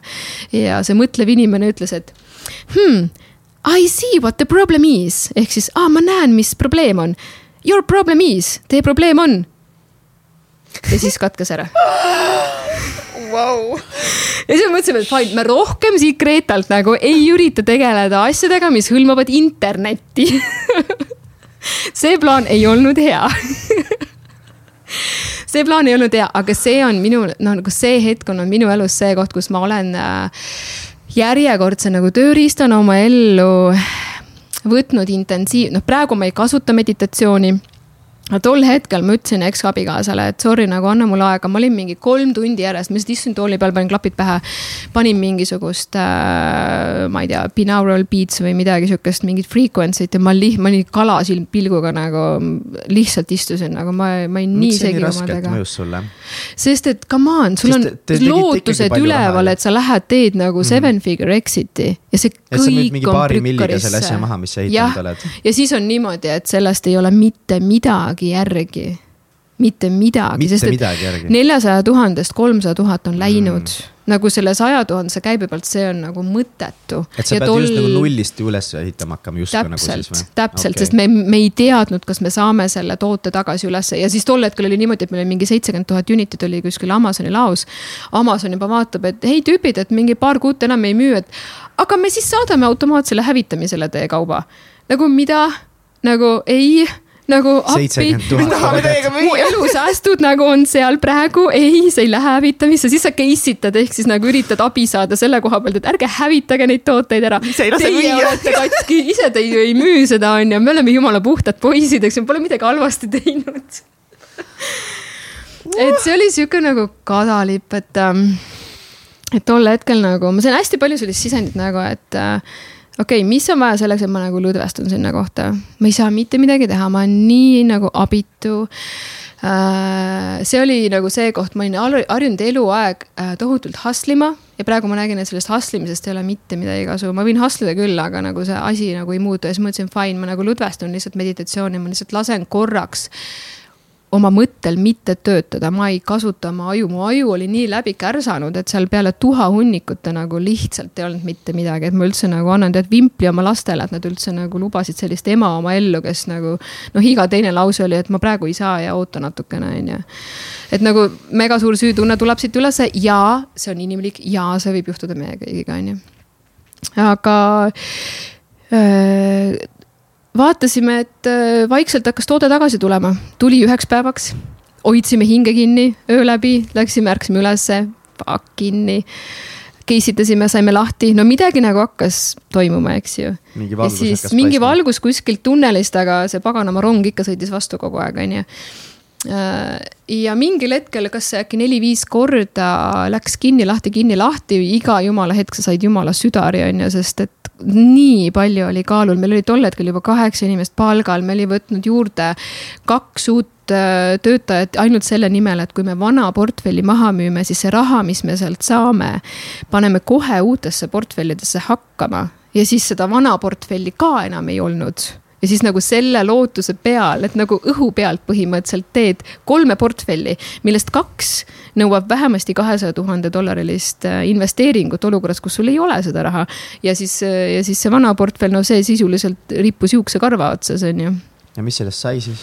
no sai, sai see, et konsultandid, noh, mingil hetkel, kui me saime selle vana toote ülesse hakkasime nagu riismeid taas üles ehitama, eks ju, sest noh, ranking ehk visibility ehk siis nagu kui ma lähen äh, Amazoni, siis äh, ma ikkagi ostan neid tooteid, mis on avalehel näha, et panen mm -hmm. sisse mingi joogitops, et siis ma ei lähe ju kolmandale lehele nagu Enam nagu Google'is.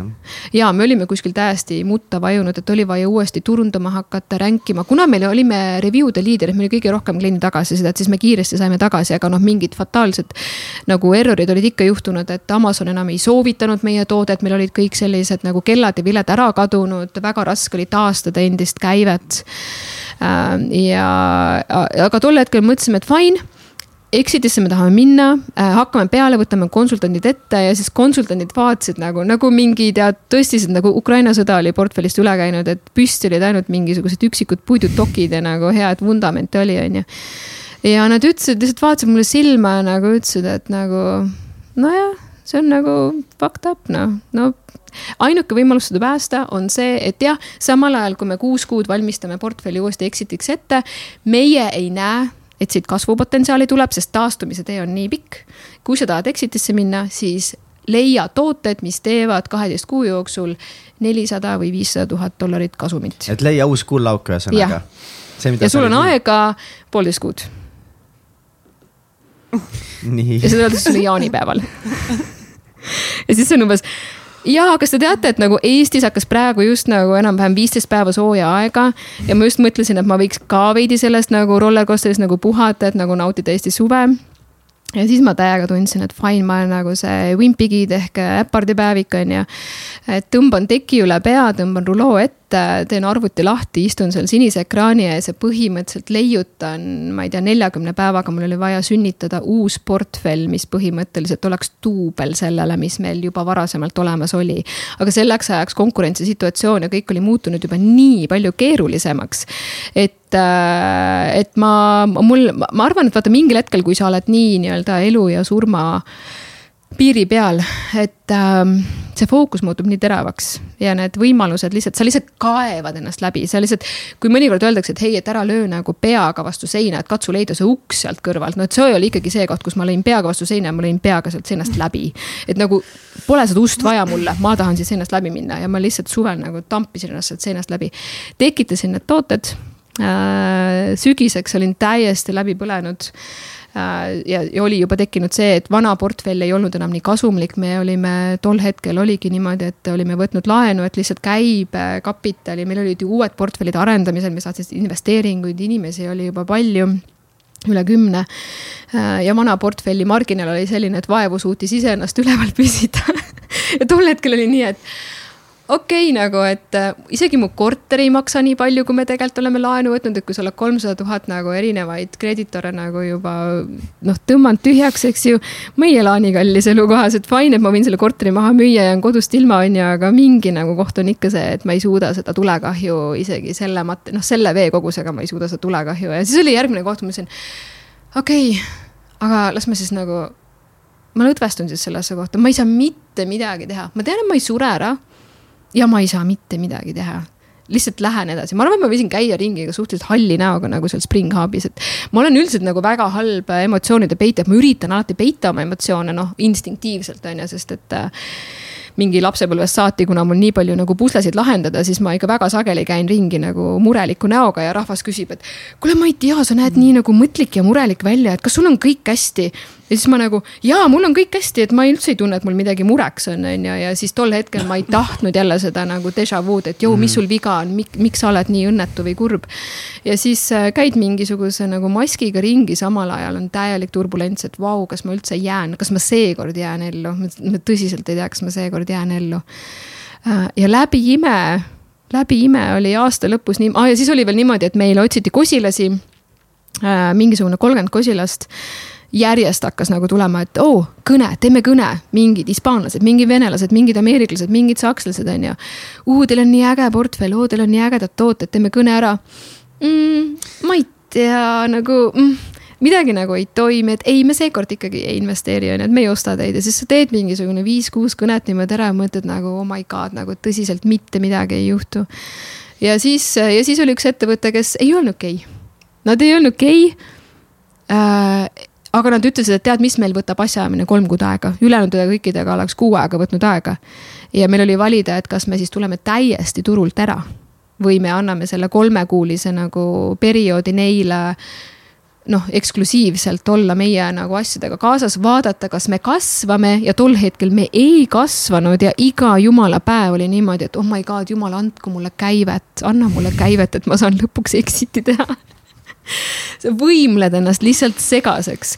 ja sellest perioodist on tekkinud mingid turundusnipid, mingisugused äh, kombod on ju, mida tööle panna, mingid turud, mida kiiresti kasumlikumaks kerida, mingid uued tooted, mis fenomenaalselt kalli hinnaga nagu tegelikult me suutsime maha müüa, et kui meie tavaline. noh, selline nagu hero ehk kangelastoode mm -hmm. hind oli kakskümmend üheksa, üheksakümmend viis.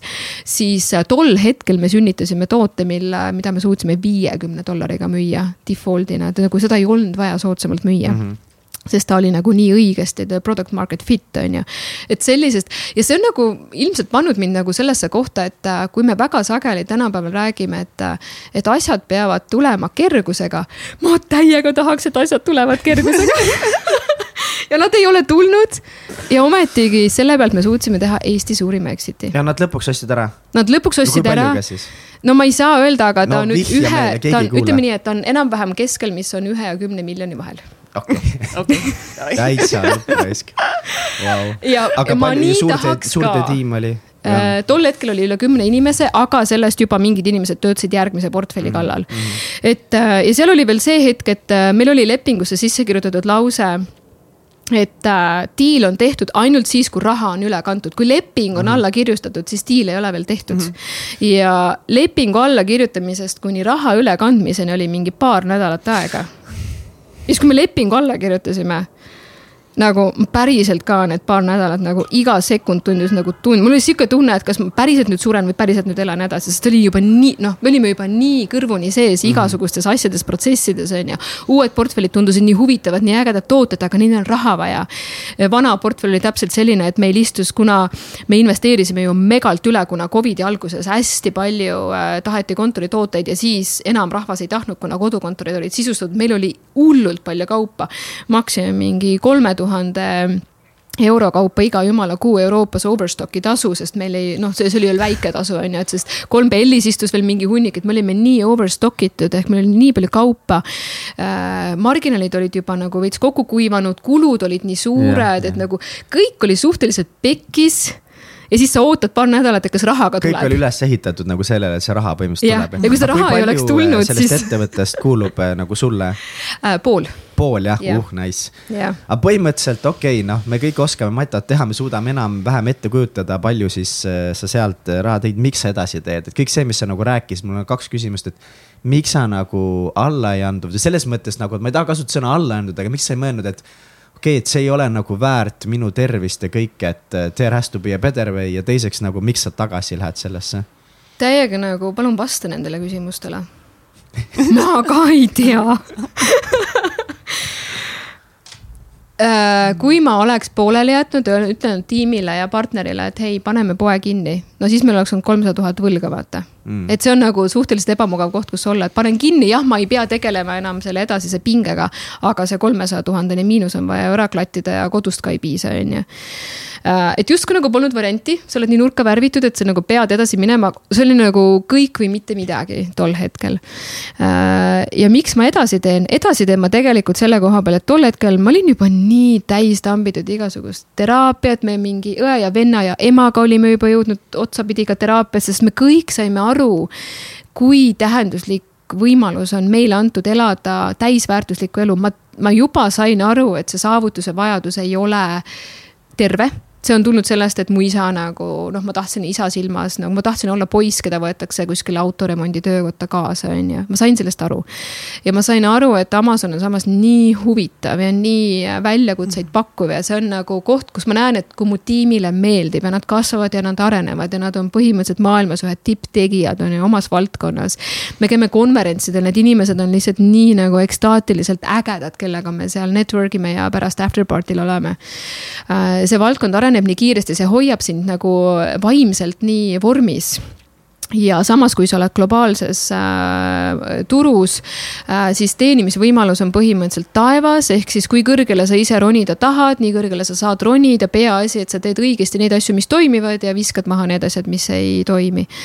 ja ma teadsin tegelikult, et äh, et nagu, mis ma siis nagu järgmisena teen, et ma Võtad kindlasti no vot, ütleb terve inimene, on ju jah, aga, aga tol hetkel ma kuidagi teadsin, et ma tahan ikkagi teha seda edasi, aga ma tahaksin teha niimoodi, et on, on tugi. ehk siis noh, tänasel päeval meil ettevõttes juht tööl, eks ole, kes nagu suudab asju koos hoida, et see, mis me tegime kõik need viis aastat, tegelikult oli niimoodi, et. jõu, siin on üks töö, tee see ära, vahet ei ole, kuidas läheb, kukub tükkideks, no ei ole, korjame üles, lähme edasi, on ju. ja teeme koosolekut siis, kui on, kui, kui on aega, kui on liiga kiire, ärme tee. Äh, ja kõik on nagu hästi sihukene voolav, hästi selline nagu orgaaniline ma tahan teha samat asja, ma tahan teha koos juhiga. Ja meil on täna väga tugev juht, meil on tegelikult kaks juhti ettevõttes, mina enam tegevjuht täna ei ole, et mu eksabikaasa on nii-öelda üks juht ja siis on COO Priit on teine, teine juht ja nad kahekesi nii-öelda paarisrakendina on tekitanud nagu koha, kus ma näen, et vau, nagu me võime ka päris ettevõte ei ole olla, et me ei ole nagu mingi punt lasteaialapsi, kes panevad mingi esimese laiki vasja poole, on ju. ja siis vaatame, mis meist saab et seda me tegelikult tegime ja me jäime ellu ja me suutsime teha nagu väga ägedat asja, aga seal ei olnud erilist struktuuri ja organiseeritust taga. No mis ja. tunne siis päriselt oli, kui see raha nagu üle äh, oh tuli? Oh my god, oh my god. Sa ei kujuta ette, mis tunne see on. sa ei kujuta ette, see on nagu umbes see, et sa oled sündinud ja sa samal ajal vajud mingisugusesse pehmesse sellisesse mingi velvetisse see nagu kogu maailma raskus langeb su õlgadelt ära, et issand jumal, tõesti, see asi on tehtud, ma ei suuda uskuda, ma vaatan seda panga väljavõtet, appi, seal on nii palju nulle, ma ei suuda neid kokku lugeda. see on nii uskumatu ja see nagu mõtled, et ei, et see ei saa päris olla, las ma refresh in nagu, see on mingi error, see on mingi screenshot nagu keegi prängib mind, see ei ole päris nagu, see on mingi TransferWise'i error on ju, ikka juhtub. ja sa nagu vaatad ja see ei lähe ära. ja sa vaatad ja refresh'id ja see ei lähe ära. ja siis lõpuks nagu äkki ongi päris äkki juhtuski nagu. ja siis oligi. no ja siis nagu oligi. ja siis sa nagu harjud ära ja.... kas sa midagi ilusat endale ostsid, mingi kingi tegid või nagu mingi väljaminek justkui nagu ennast premeerida kuidagi või? tead äh,, mitte iseennast, ma pigem, mul oli, mul on eluaeg olnud unistus, et ma tahan viia kogu oma, oma perekonna, õe, venna, ema ja kõik nende perekonnaliikmed, kes parasjagu sinna kuuluvad, ma tahan viia nad nagu maailma kõige ilusamasse kohta lihtsalt reisile, et meil oleks koos meenutada hästi magusat aega see oli ka mõnes mõttes täitsa pekkis uh,. sest et me ma, äh, läksime Seychellidele, no picture perfect.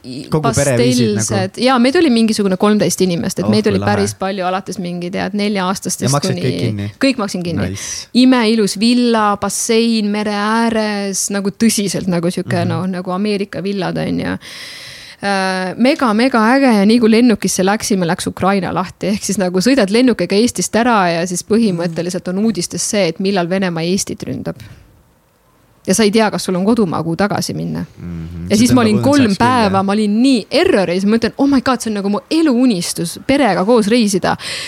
ja ma ei suuda isegi silma vaadates, mul on sihuke paanika, et kas mul on kodumaa, kuhu tagasi minna, kas see nagu, mis Eestis on, üldse on alles kui me tagasi läheme, sest me olime küll lühikest aega, kümme päeva.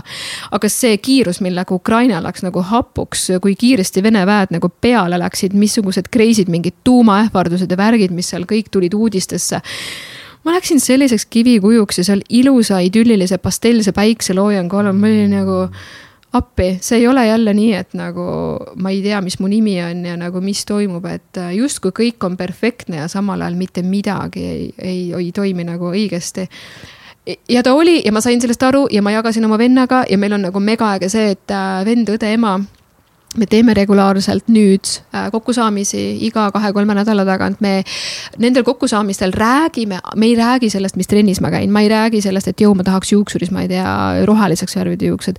ma räägin sellest, mis on minu elus praegu hästi ebamugav mis on midagi uut, kus ma ei oska näppu peale panna, mul ei ole lahendusi ja ma ei vaja lahendusi ma tahan lihtsalt öelda, et okei okay,, personaalsetes suhetes praegu mul on sihuke tunne, et mul on aktiveerunud mingi isahaav, on ju. mingi saamata armastuse koht, mida ma nagu kuskilt nagu fetch in kellegi teise kaudu või siis nagu professionaalses kohas, et hei miks mul on vaja minna sinna ja jälle tekitada uus sündmus või jälle tekitada mingisugune uus teenimise asi, et miks mul lähevad silmad põlema mingisuguse, kogu aeg silmad põlevad mingi järgmise opportunity kohta. aga nagu, mis sellest noh, see segadus, mis tekib, kui ma võtan kõikidele asjadele, ütlen nagu jah. ja pärast on need, oh my god, mul on nii palju asju nagu kõik segamini ja nagu noh no,, lähevad põhimõtteliselt nagu halvaks.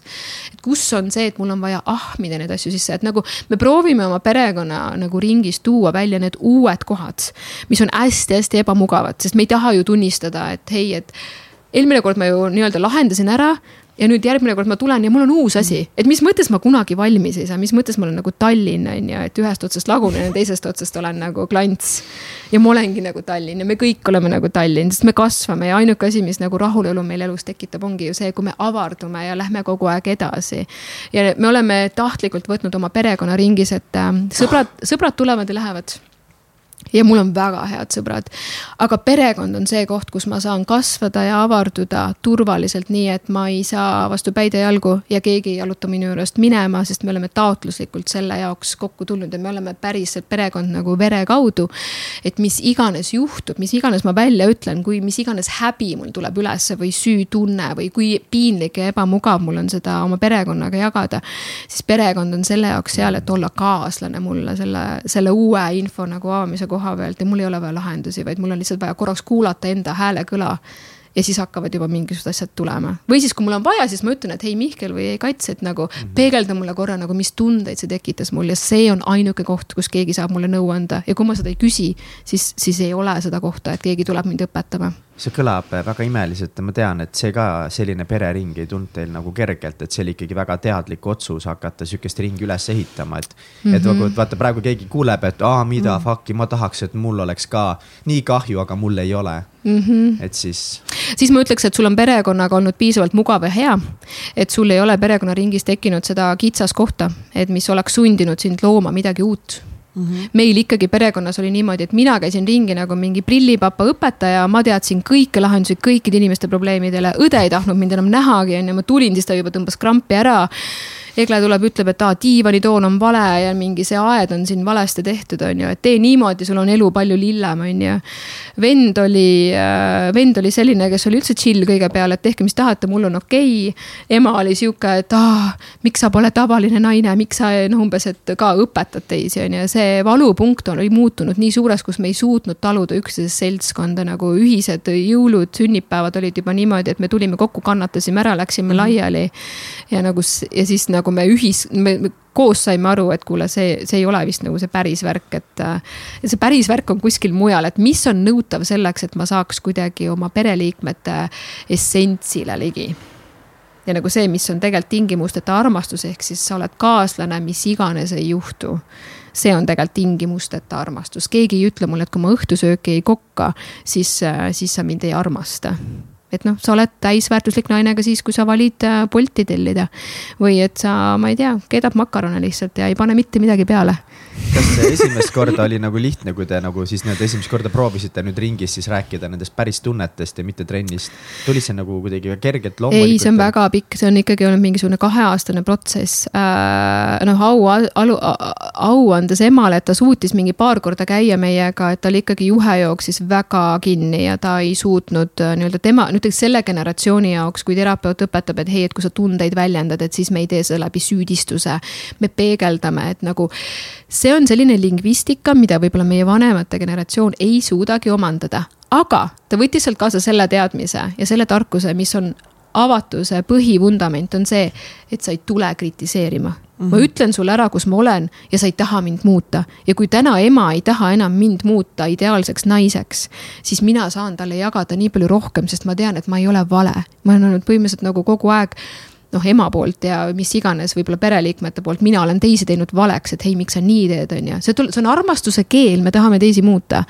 ja samal ajal see sulgeb meie hinged üksteise hingedele, sest me tunneme, et me teeme üksteist valeks ja siis, kui sa enam üksteist valeks ei tee, siis tekib see avatud ruum ja ma tahan jagada ja ma tahan näha, kuhu see asi välja viib ja keegi ei tea, kuhu see asi välja viib mm,. see protsess, mida sa praegu jagasid, see on nii ilus see on tõeliselt ilus. see on hästi toetav, ma nagu tunnen, et varasemalt ma kuidagi. valus ja ilus ja raske. valus ja ilus, ma varasemalt hingena käisin hästi palju nagu üksinda, ma hästi palju tundsin üksindust elus, et võib-olla ka sellepärast, et mul niisugune teismelise ja ülikooli aeg oligi, kus ma tõmbasin ennast hästi nagu kesta ära, sest kuidagi elu oli olnud valus.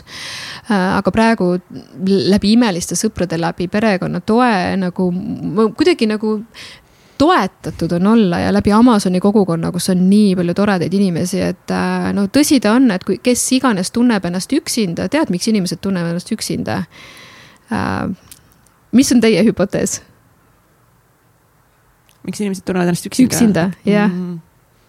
mina tunnen ennast näiteks nagu üksinda, sest mul ei, noh, ma ei olegi harjunud ise nagu üksi olema iseendaga ja siis ongi hirmutav mm. -hmm. et ma, ma tunnen, et ma nagu vajan äh, kedagi, et väljaspoolt nagu keegi tuleks ja teeks mind terveks. Hmm et siis ma tunnen ennast, ma olen nagu üksinda, et kui ma ei ole päriselt iseenda keskmes ja iseenda väes iseendaga rahul mm. -hmm. keegi väljaspoolt tuleks, on ju. Mhm. ma võtsin selle challenge'i täiega ette, võtsin äh, aasta tagasi, esimesel jaanuaril mõtlesin, et fine, et see ei ole okei okay,, et ma nagu tunnen üksilda, sest et mul on ju ikkagi mingid inimesed ümberringi, kes mind armastavad. Äh, mingi hunnik inimesi ütleb, vau, sa teed nii ägedat asja. sa oled nii särav, sa oled mm. nii mis iganes, on ju, ma mõtlesin, kuskohast see tuleb nagu, see ei ole see, mis minu sees on. ma läksin keldrisse pimedasse tuppa ja ma ütlesin, fine, üksindus, tule, tule. Läks kohe pimeda, pimeda ruumi? pimedasse tuppa esimesel jaanuaril, see oli ainuke vaba aeg, ülejäänud olid book itud mingi järgmised viis kuud, ma ütlesin fine, ma lähen nagu esimesel jaanuaril. nullist kohe mingi saja, ma lähen mingi pime ruumi kümneks päevaks või? ja see kogemus oli nii intensiivne, no loomulikult, kui see juhendaja läheb sealt minema, paneb selle luugi kinni ja siis sul on soe köetud põrand ja ülejäänud asjad on kõik välja lülitatud, sul on seal voodi ja siis on pime ja siis on teekeetja ja siis on see enda kaasa võetud toit, mida ma ei suutnud süüa, sest kogu see värk oli nagu nii error minu jaoks ja see oli see koht, kus ma mõtlesin, et okei okay,, keegi ei näe mind, ma ei saa häbisse langeda äh,. iseenda ees mul on kõik okei okay. ja siis ma lihtsalt lasin sellel üksildusel tulla. tuli üksildus, siis tuli mingi viha, siis tuli mingi raev, siis tuli mingisugune teine tunne. ja ma nagu pendeldasin nagu ühest tundest teise, kuidagi nagu kirjutasin mingit diagonaalis, pastakale sai tint otsa, käekiri oli lugematu, aga ma sain kuidagi selle energia välja, ma hüppasin, karjusin, ma ei tea, tegin kukerpalle, jooksin koha peal. kui oli vaja, ma nagu lasin naturaalselt hästi palju voolata voolata sellel energial välja, mis äh, teismelise või nagu ülikooli ajal ma olin nii kapslisse ennast pannud, et hästi palju oli kinni jäänud. ja osa minu sellisest suletud loomusest ja võib-olla õnnetu näoga ringi käimisest ongi sellest tulenenud, et lihtsalt nii palju energiaid on kinni jäänud, mida ma ei tohtinud kogeda. ja siis ma sain aru sellest nagu heurekast, et tegelikult me tun-, me ei ole kunagi üksi, aga me tunneme ennast üksi, sest me eraldame iseendast äh, iseenda ja kus see juhtub, on see, et me, meie vanemad ütlesid meile, et ära tunne keerulisi tundeid, meie sõbrad üldiselt ei taha, et me läheme meeleheites nende juurde, et jah, mõned ägedad sõbrad on, aga kui sa ikkagi mingi kümme päeva järjest nutad pisaraid välja sõbra juures, siis sõber hakkab ka juba ütlema, et kuule, get real nagu. Äh, et tegelikult me trigerdame teistes inimestes nii suurt ebamugavust oma keeruliste tunnetega, et ühiskond ei lasegi ja meil ei ole mitte ühtegi tööriista et aga võib-olla mul võtab kurb olemine viis päeva aega, aga kes on sul elus kunagi normaliseerinud ära, et sul võtab viis päeva aega. kui ma abiellun või saan lapsi, ma võin viis päeva järjest äh, tähistada ja rõõmus olla. aga sellesama pulga teine pool on ju see, et aga mul on väga okei okay olla viis päeva järjest täiesti nagu niimoodi, et ma ei taha mitte kellegagi rääkida, et see on ka normaalne. ja mina enda puhul häkkisin selle ära et ma tunnen ennast halvasti ainult siis, kui ma lahutan ennast iseendast ehk siis, kui ma lähen ja ma saan tundma ennast täielikult, ehk siis ka neid keerulisi kohti, mis ma tegelikult olen siis ma ei tunne ennast enda nahas nagu külaline või võõras, vaid siis ma tunnengi ennast holistiliselt ja täielikult. ja mul ei ole vaja mingisuguseid tehnikaid, et äh, hoida ennast kogu aeg mingisuguses tänulikkuses või õnnetundes, see on tegelikult nagu tehislik. see tekib, tänulikkus ja õnnetunne tekib automaatselt, naturaalselt ja tekib ise, kui mul see vundament ehk keerulised tunded on minu jaoks turvaline aga kui ma mitte kunagi ei ole lubanud endal tunda neid keerulisi tundeid, siis ma ei ole enda, enda jaoks turvaline ja siis mul on vaja hakata nagu plaasterdama ja viima ennast kuskile sellisesse nagu udu sisse, et ma jumala eest ei läheks ja ei tunneks. tegelikult need tunded ei ole ohtlikud. ma olin kolm päeva seal keldris ja see oli nii intensiivne ja iga jumala kord, kui ma tegin protsessi läbi, ma lõpetasin siukses nagu plissis, et oh my god, elu on ilus, ma olen nii ühendatud kõigega, ma armastan kõike, kõik on nii tore. et lihtsalt see prügi nagu tuli eest välja ja see on hästi haavatav ja see on nagu hästi isiklik. Ja ma arvan, et see ei ole ainult mina.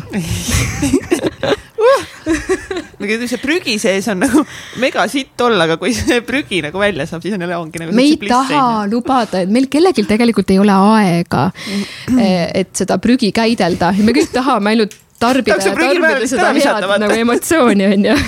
ja nagu Ragen Sells me ei taha iseenda jaoks olla. Ja samas, miks ta nagu prügi on, miks me leibeldame seda valeks, et minu jaoks äh, mu mm -hmm. coach äh, äh Janet on äh, nii ilusasti ütles ära, et Egle, aga miks sa teed seda valeks, miks ükski tunne sinu elus on vale, tal on ju mingi sõnum ja siin on mingisugune teadmine ja siin on mingi uus oskuste sett või mingi tööriistakast. mis avab sulle järgmised uksed, et kui ma seda valeks teen, siis ma neid uksi mitte kunagi avada ei saa. Ja ma ei nagu ainus tee iseenda endasse on ka niimoodi, et ma täielikult vaatan, mis on need keerulised kohad ja ma täielikult võtan vastu ja ma täielikult istun, istun seal ebamugavuses. ja ma armastusega võtan vastu selle nagu, mis sealt kõik tuleb ja see on lõdvestumise koht, nagu sa rääkisid, sa lihtsalt lõdvestud sellesse. ja nii paha on olla. ja ongi ja nagu nii. kusjuures üks nipp, ma, kui kedagi huvitab, kõige parem, ma ütleks, et ma olen tänase, tänaseks päevaks meditatsioonis tegelikult võõrdunud, minu, ma ise kasuta seda, kuigi ma nagu exit'e ajal kasutasin, sest mul oli juheni koos aga mega hea enesega kontakti saamise koht on äh, peegli ees istumine ja kui ma olen nagu mega õnnetu või mul on midagi pekki läinud või ma olen mega äh, väsinud, ma hästi palju väsimuse pealt tegelikult teen automaatselt asju ma toon endale suure äh, koridori peegli, panen elutuppa, istun seal ees, vaatan endale otsa lihtsalt. ja ma näen ennast, ma näen oma silmi, ma näen, kas seal on väsimus, kas seal on üksildus, kas seal on meeleheide, kas seal on mingi ebaõnnestumise koht, kas seal on mingi hirm. ja ma olen koos sellega, miks mulle meeldib nii rohkem, on see, et ma ei kaota kontakti iseendaga, kui ma lähen meditatsioonis sinna sisse, siis tegelikult ma kaotan iseennast ära ja mul ei ole seda kontakti, aga kui ma näen iseenda silma, siis ma olen kellegiga koos, ma olen iseendaga koos ja see on nii toetav. ja need protsessid võtavad nii palju vähem aega. see peegli ees olemine on hästi huvitav jah? see on hästi huvitav, see on väga-väga toetav.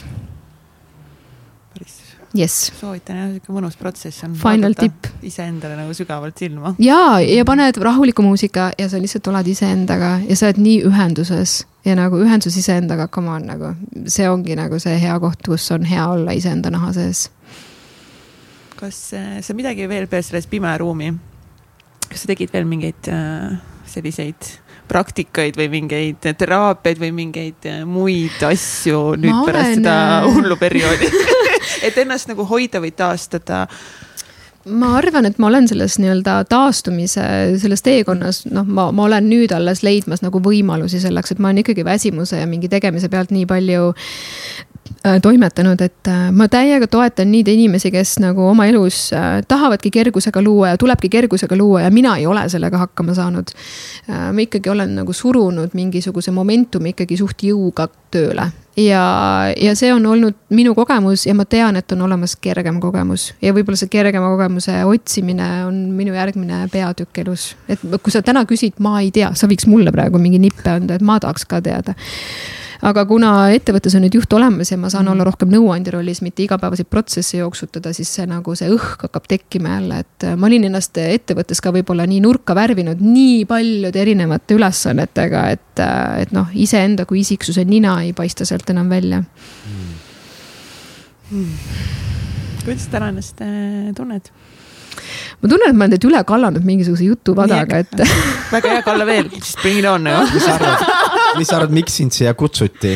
ma ei tea, ma üritasin täiega vältida siia tulemist, sest et äh, kogu see tükkide kokkulappamine peale seda tuumaplahvatust, mis see exit oli, et.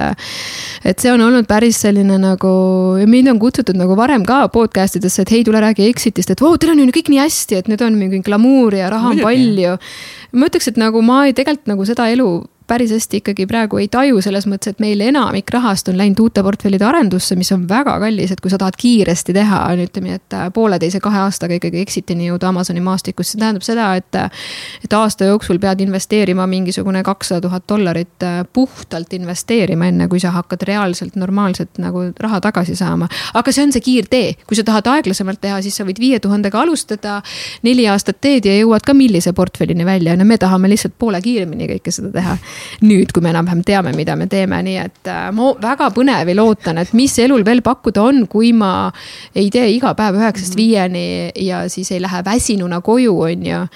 ja lihtsalt ei taastu seal, et see on minu elu praegu äh, ja nagu jumalast äge oleks näha, mis on minu elu siis äh, after mis on pärast, before and after aga miks sa vältisid saatesse tulemast või teistesse saadetesse minemast? Ma ei tea, see on võib-olla, võib-olla seesama koht, et mul oli vaja mul oli vaja kuidagi hinge tõmmata, et see oli mm -hmm. nii mhm. intensiivne protsess, ma, ma tõenäoliselt oleks mingi poole saate peal ära kukkunud ja ma oleks öelnud, et Mihkel, sorry, ma ei suuda rääkida, lihtsalt mul on lihtsalt jõud otsas on ju, et see, ma olin nii tühjaks imetud, et see polnud isegi mitte bensiinipaagi aurud, mille pealt me panime, vaid et see oli see bensiinipaak oli juba sidruniks pressitud, on ju. ja siis kogu see auto ka sinna hakklihamasinasse veel tagantjärele topitud, et seal läksid nagu saba ja kõrvad kõik korraga. ja, ja suguvõsa nagu järgi, et äh, see oli lihtsalt, äh, oli väga väga ekstreemne kogemus, et ma kindlasti ei taotle endale selliseid kogemusi juurde ja teadmine, et mis iganes mu elus juhtub, nagu ma ei sure ära, on endiselt kehtib. noh, see jääb endiselt kehtima ja ma ei taotle siukseid kogemusi juurde nüüd ma taotlen kelgu, kergust, huvitavaid äh, inimesi, ägedaid connection eid, äh, loomisi. mingid inimesed minu jaoks on nagu portaalid port,, nagu teleporteerud ühest kohast teise, vau, sa just ütlesid seda, vau, ma pole kunagi niimoodi mõelnud, et nagu see on see koht, kus ma tahaks edasi vaadata, et mis kõik veel maailmas on võimalik lisaks töö tegemisele, ma mitte kunagi ei lähe pensionile, aga ma tahaks teada, mis lisaks töö tegemisele veel maailmal pakkuda on. Yeah.. ma olen nagu mingi esimene B nagu, kes on nagu mingi koolivaheaeg hakkas praegu. Mis me nüüd teeme, ma ei mis tea. mis veel elul pakkuda on peale kooli? ma ei tea, kuidas mängitakse, ma ei tea, kuidas rattaga sõidetakse, aga vaatame nii põnev. ja nii palju hustle'it on lihtsalt olnud, et äh, aga see on olnud, ma ütleks, mingi kahe tuhandendate nagu taak natukene, et see mhm. Ameerika mingi mm -hmm. Tony Robbins, et äh, tambid, tambid, teed, teed, sul on kümme punkti um,. no Grant Cardone äh, siin jaa, äh, kümne korra reegel. seda ei saa valeks ainus teha. ainus erinevus edu ja ebaõnnestumiste vahel, ainus. ainus ainus et see on kahe tuhande, see on üheksakümnendate ja kahe tuhandendate õige asi. ja, ja nüüd on natukene sellist teistsugust kohta, kus me ka tahame olla nagu magnetid, et kui me tahame elus midagi luua, no teil on saates käinud ka mõned inimesed, kes on juba nii-öelda sellel kolmandal levelil, et ma toon korraks, noh, minu jaoks on level see, et esimene level, sa oled täielik ohver, kõik juhtub sinuga. teine level on see, et saad aru, kui ma nagu kivi tõstan, siis kivi tõuseb.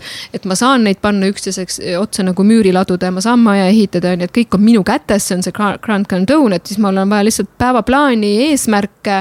et ma ei tee siin mingit onni, ma teen pilvelõhku, et fine, tehtud.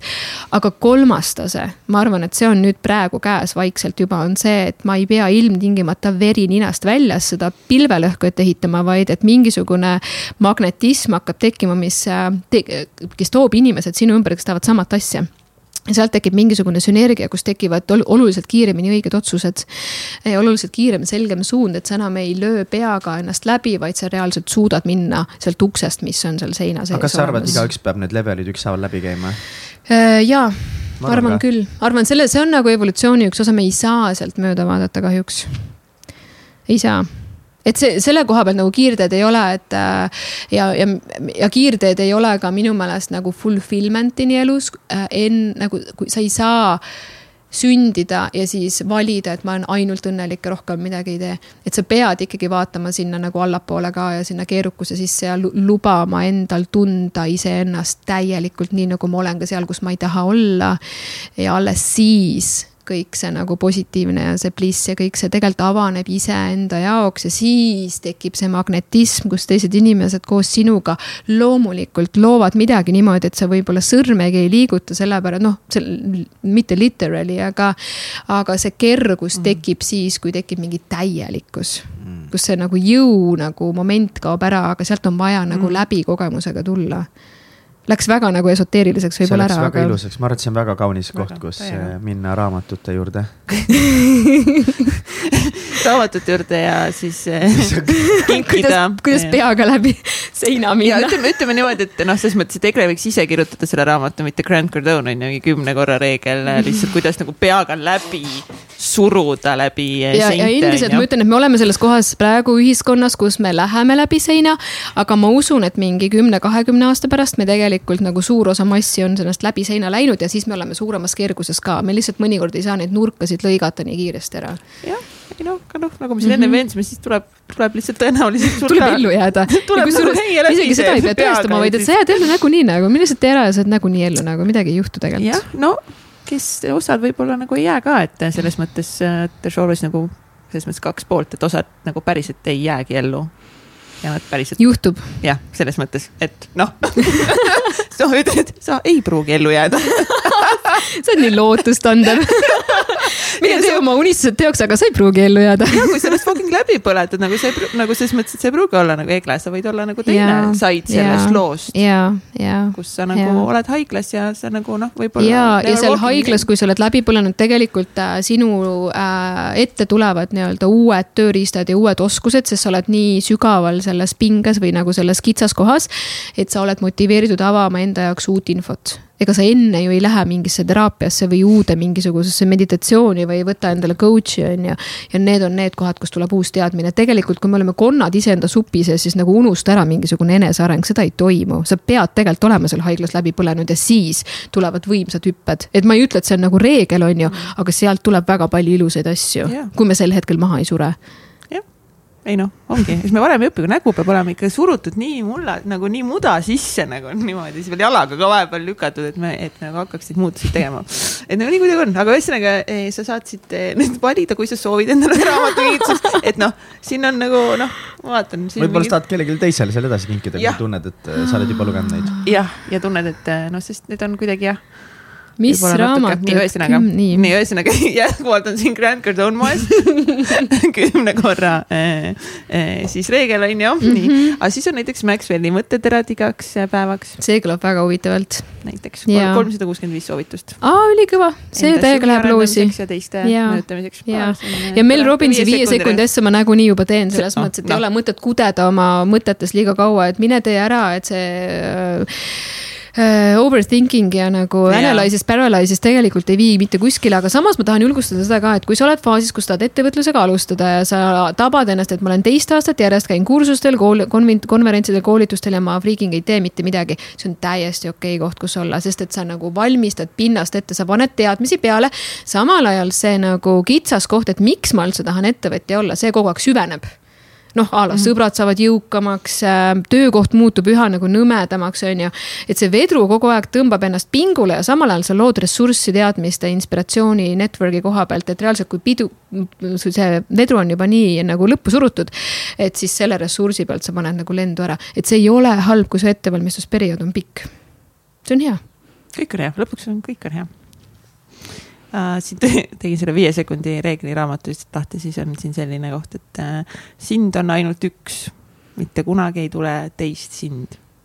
selles seisnebki sinu võimsus, mm, kui hea, väga ilus. kui hea ja nii on uh, ja nii on. ja nii on ja pool oma elust ma olen üritanud olla kogu aeg teiste sarnane, nii sarnane, et ma olen nagu ära kadunud sellesse sisse, et äh, praegu ma saan aru, et iseenda juurest ei ole mõtet ära joosta. nagu see on, see on üks asi, mis ei ole võimalik. Täiega. nii et kui sa soovid ka minna endale osta äh, mõne raamatu Miljon Mindseti poolt, siis äh, miljon.ee ja äh, kood täitsa pekkis annab sulle kümme protsenti soodustust, saad ringi surfata sealt ja. jah, või tule täitsa või? jah, et tule või tule täitsa peekis saatesse, saad tasuta. Äh, täpselt, tee läbi sihuke kadalipp. Tasuta raamatu. siis auhinnaks sulle Maxwelli mõtteterad igaks päevaks. Selle nimel. See on ta, tasub, ütleme niimoodi, selle, selle asjani lihtsalt tasub seda teha. jah, see oli see minu valgus seal tunneli lõpus, mille pärast ma kõike seda tegin ja ma olen nii tänulik, et ma jõudsin nüüd sinna finišisse välja, nii et ma saan rõõmsa äh, meelega koju minna.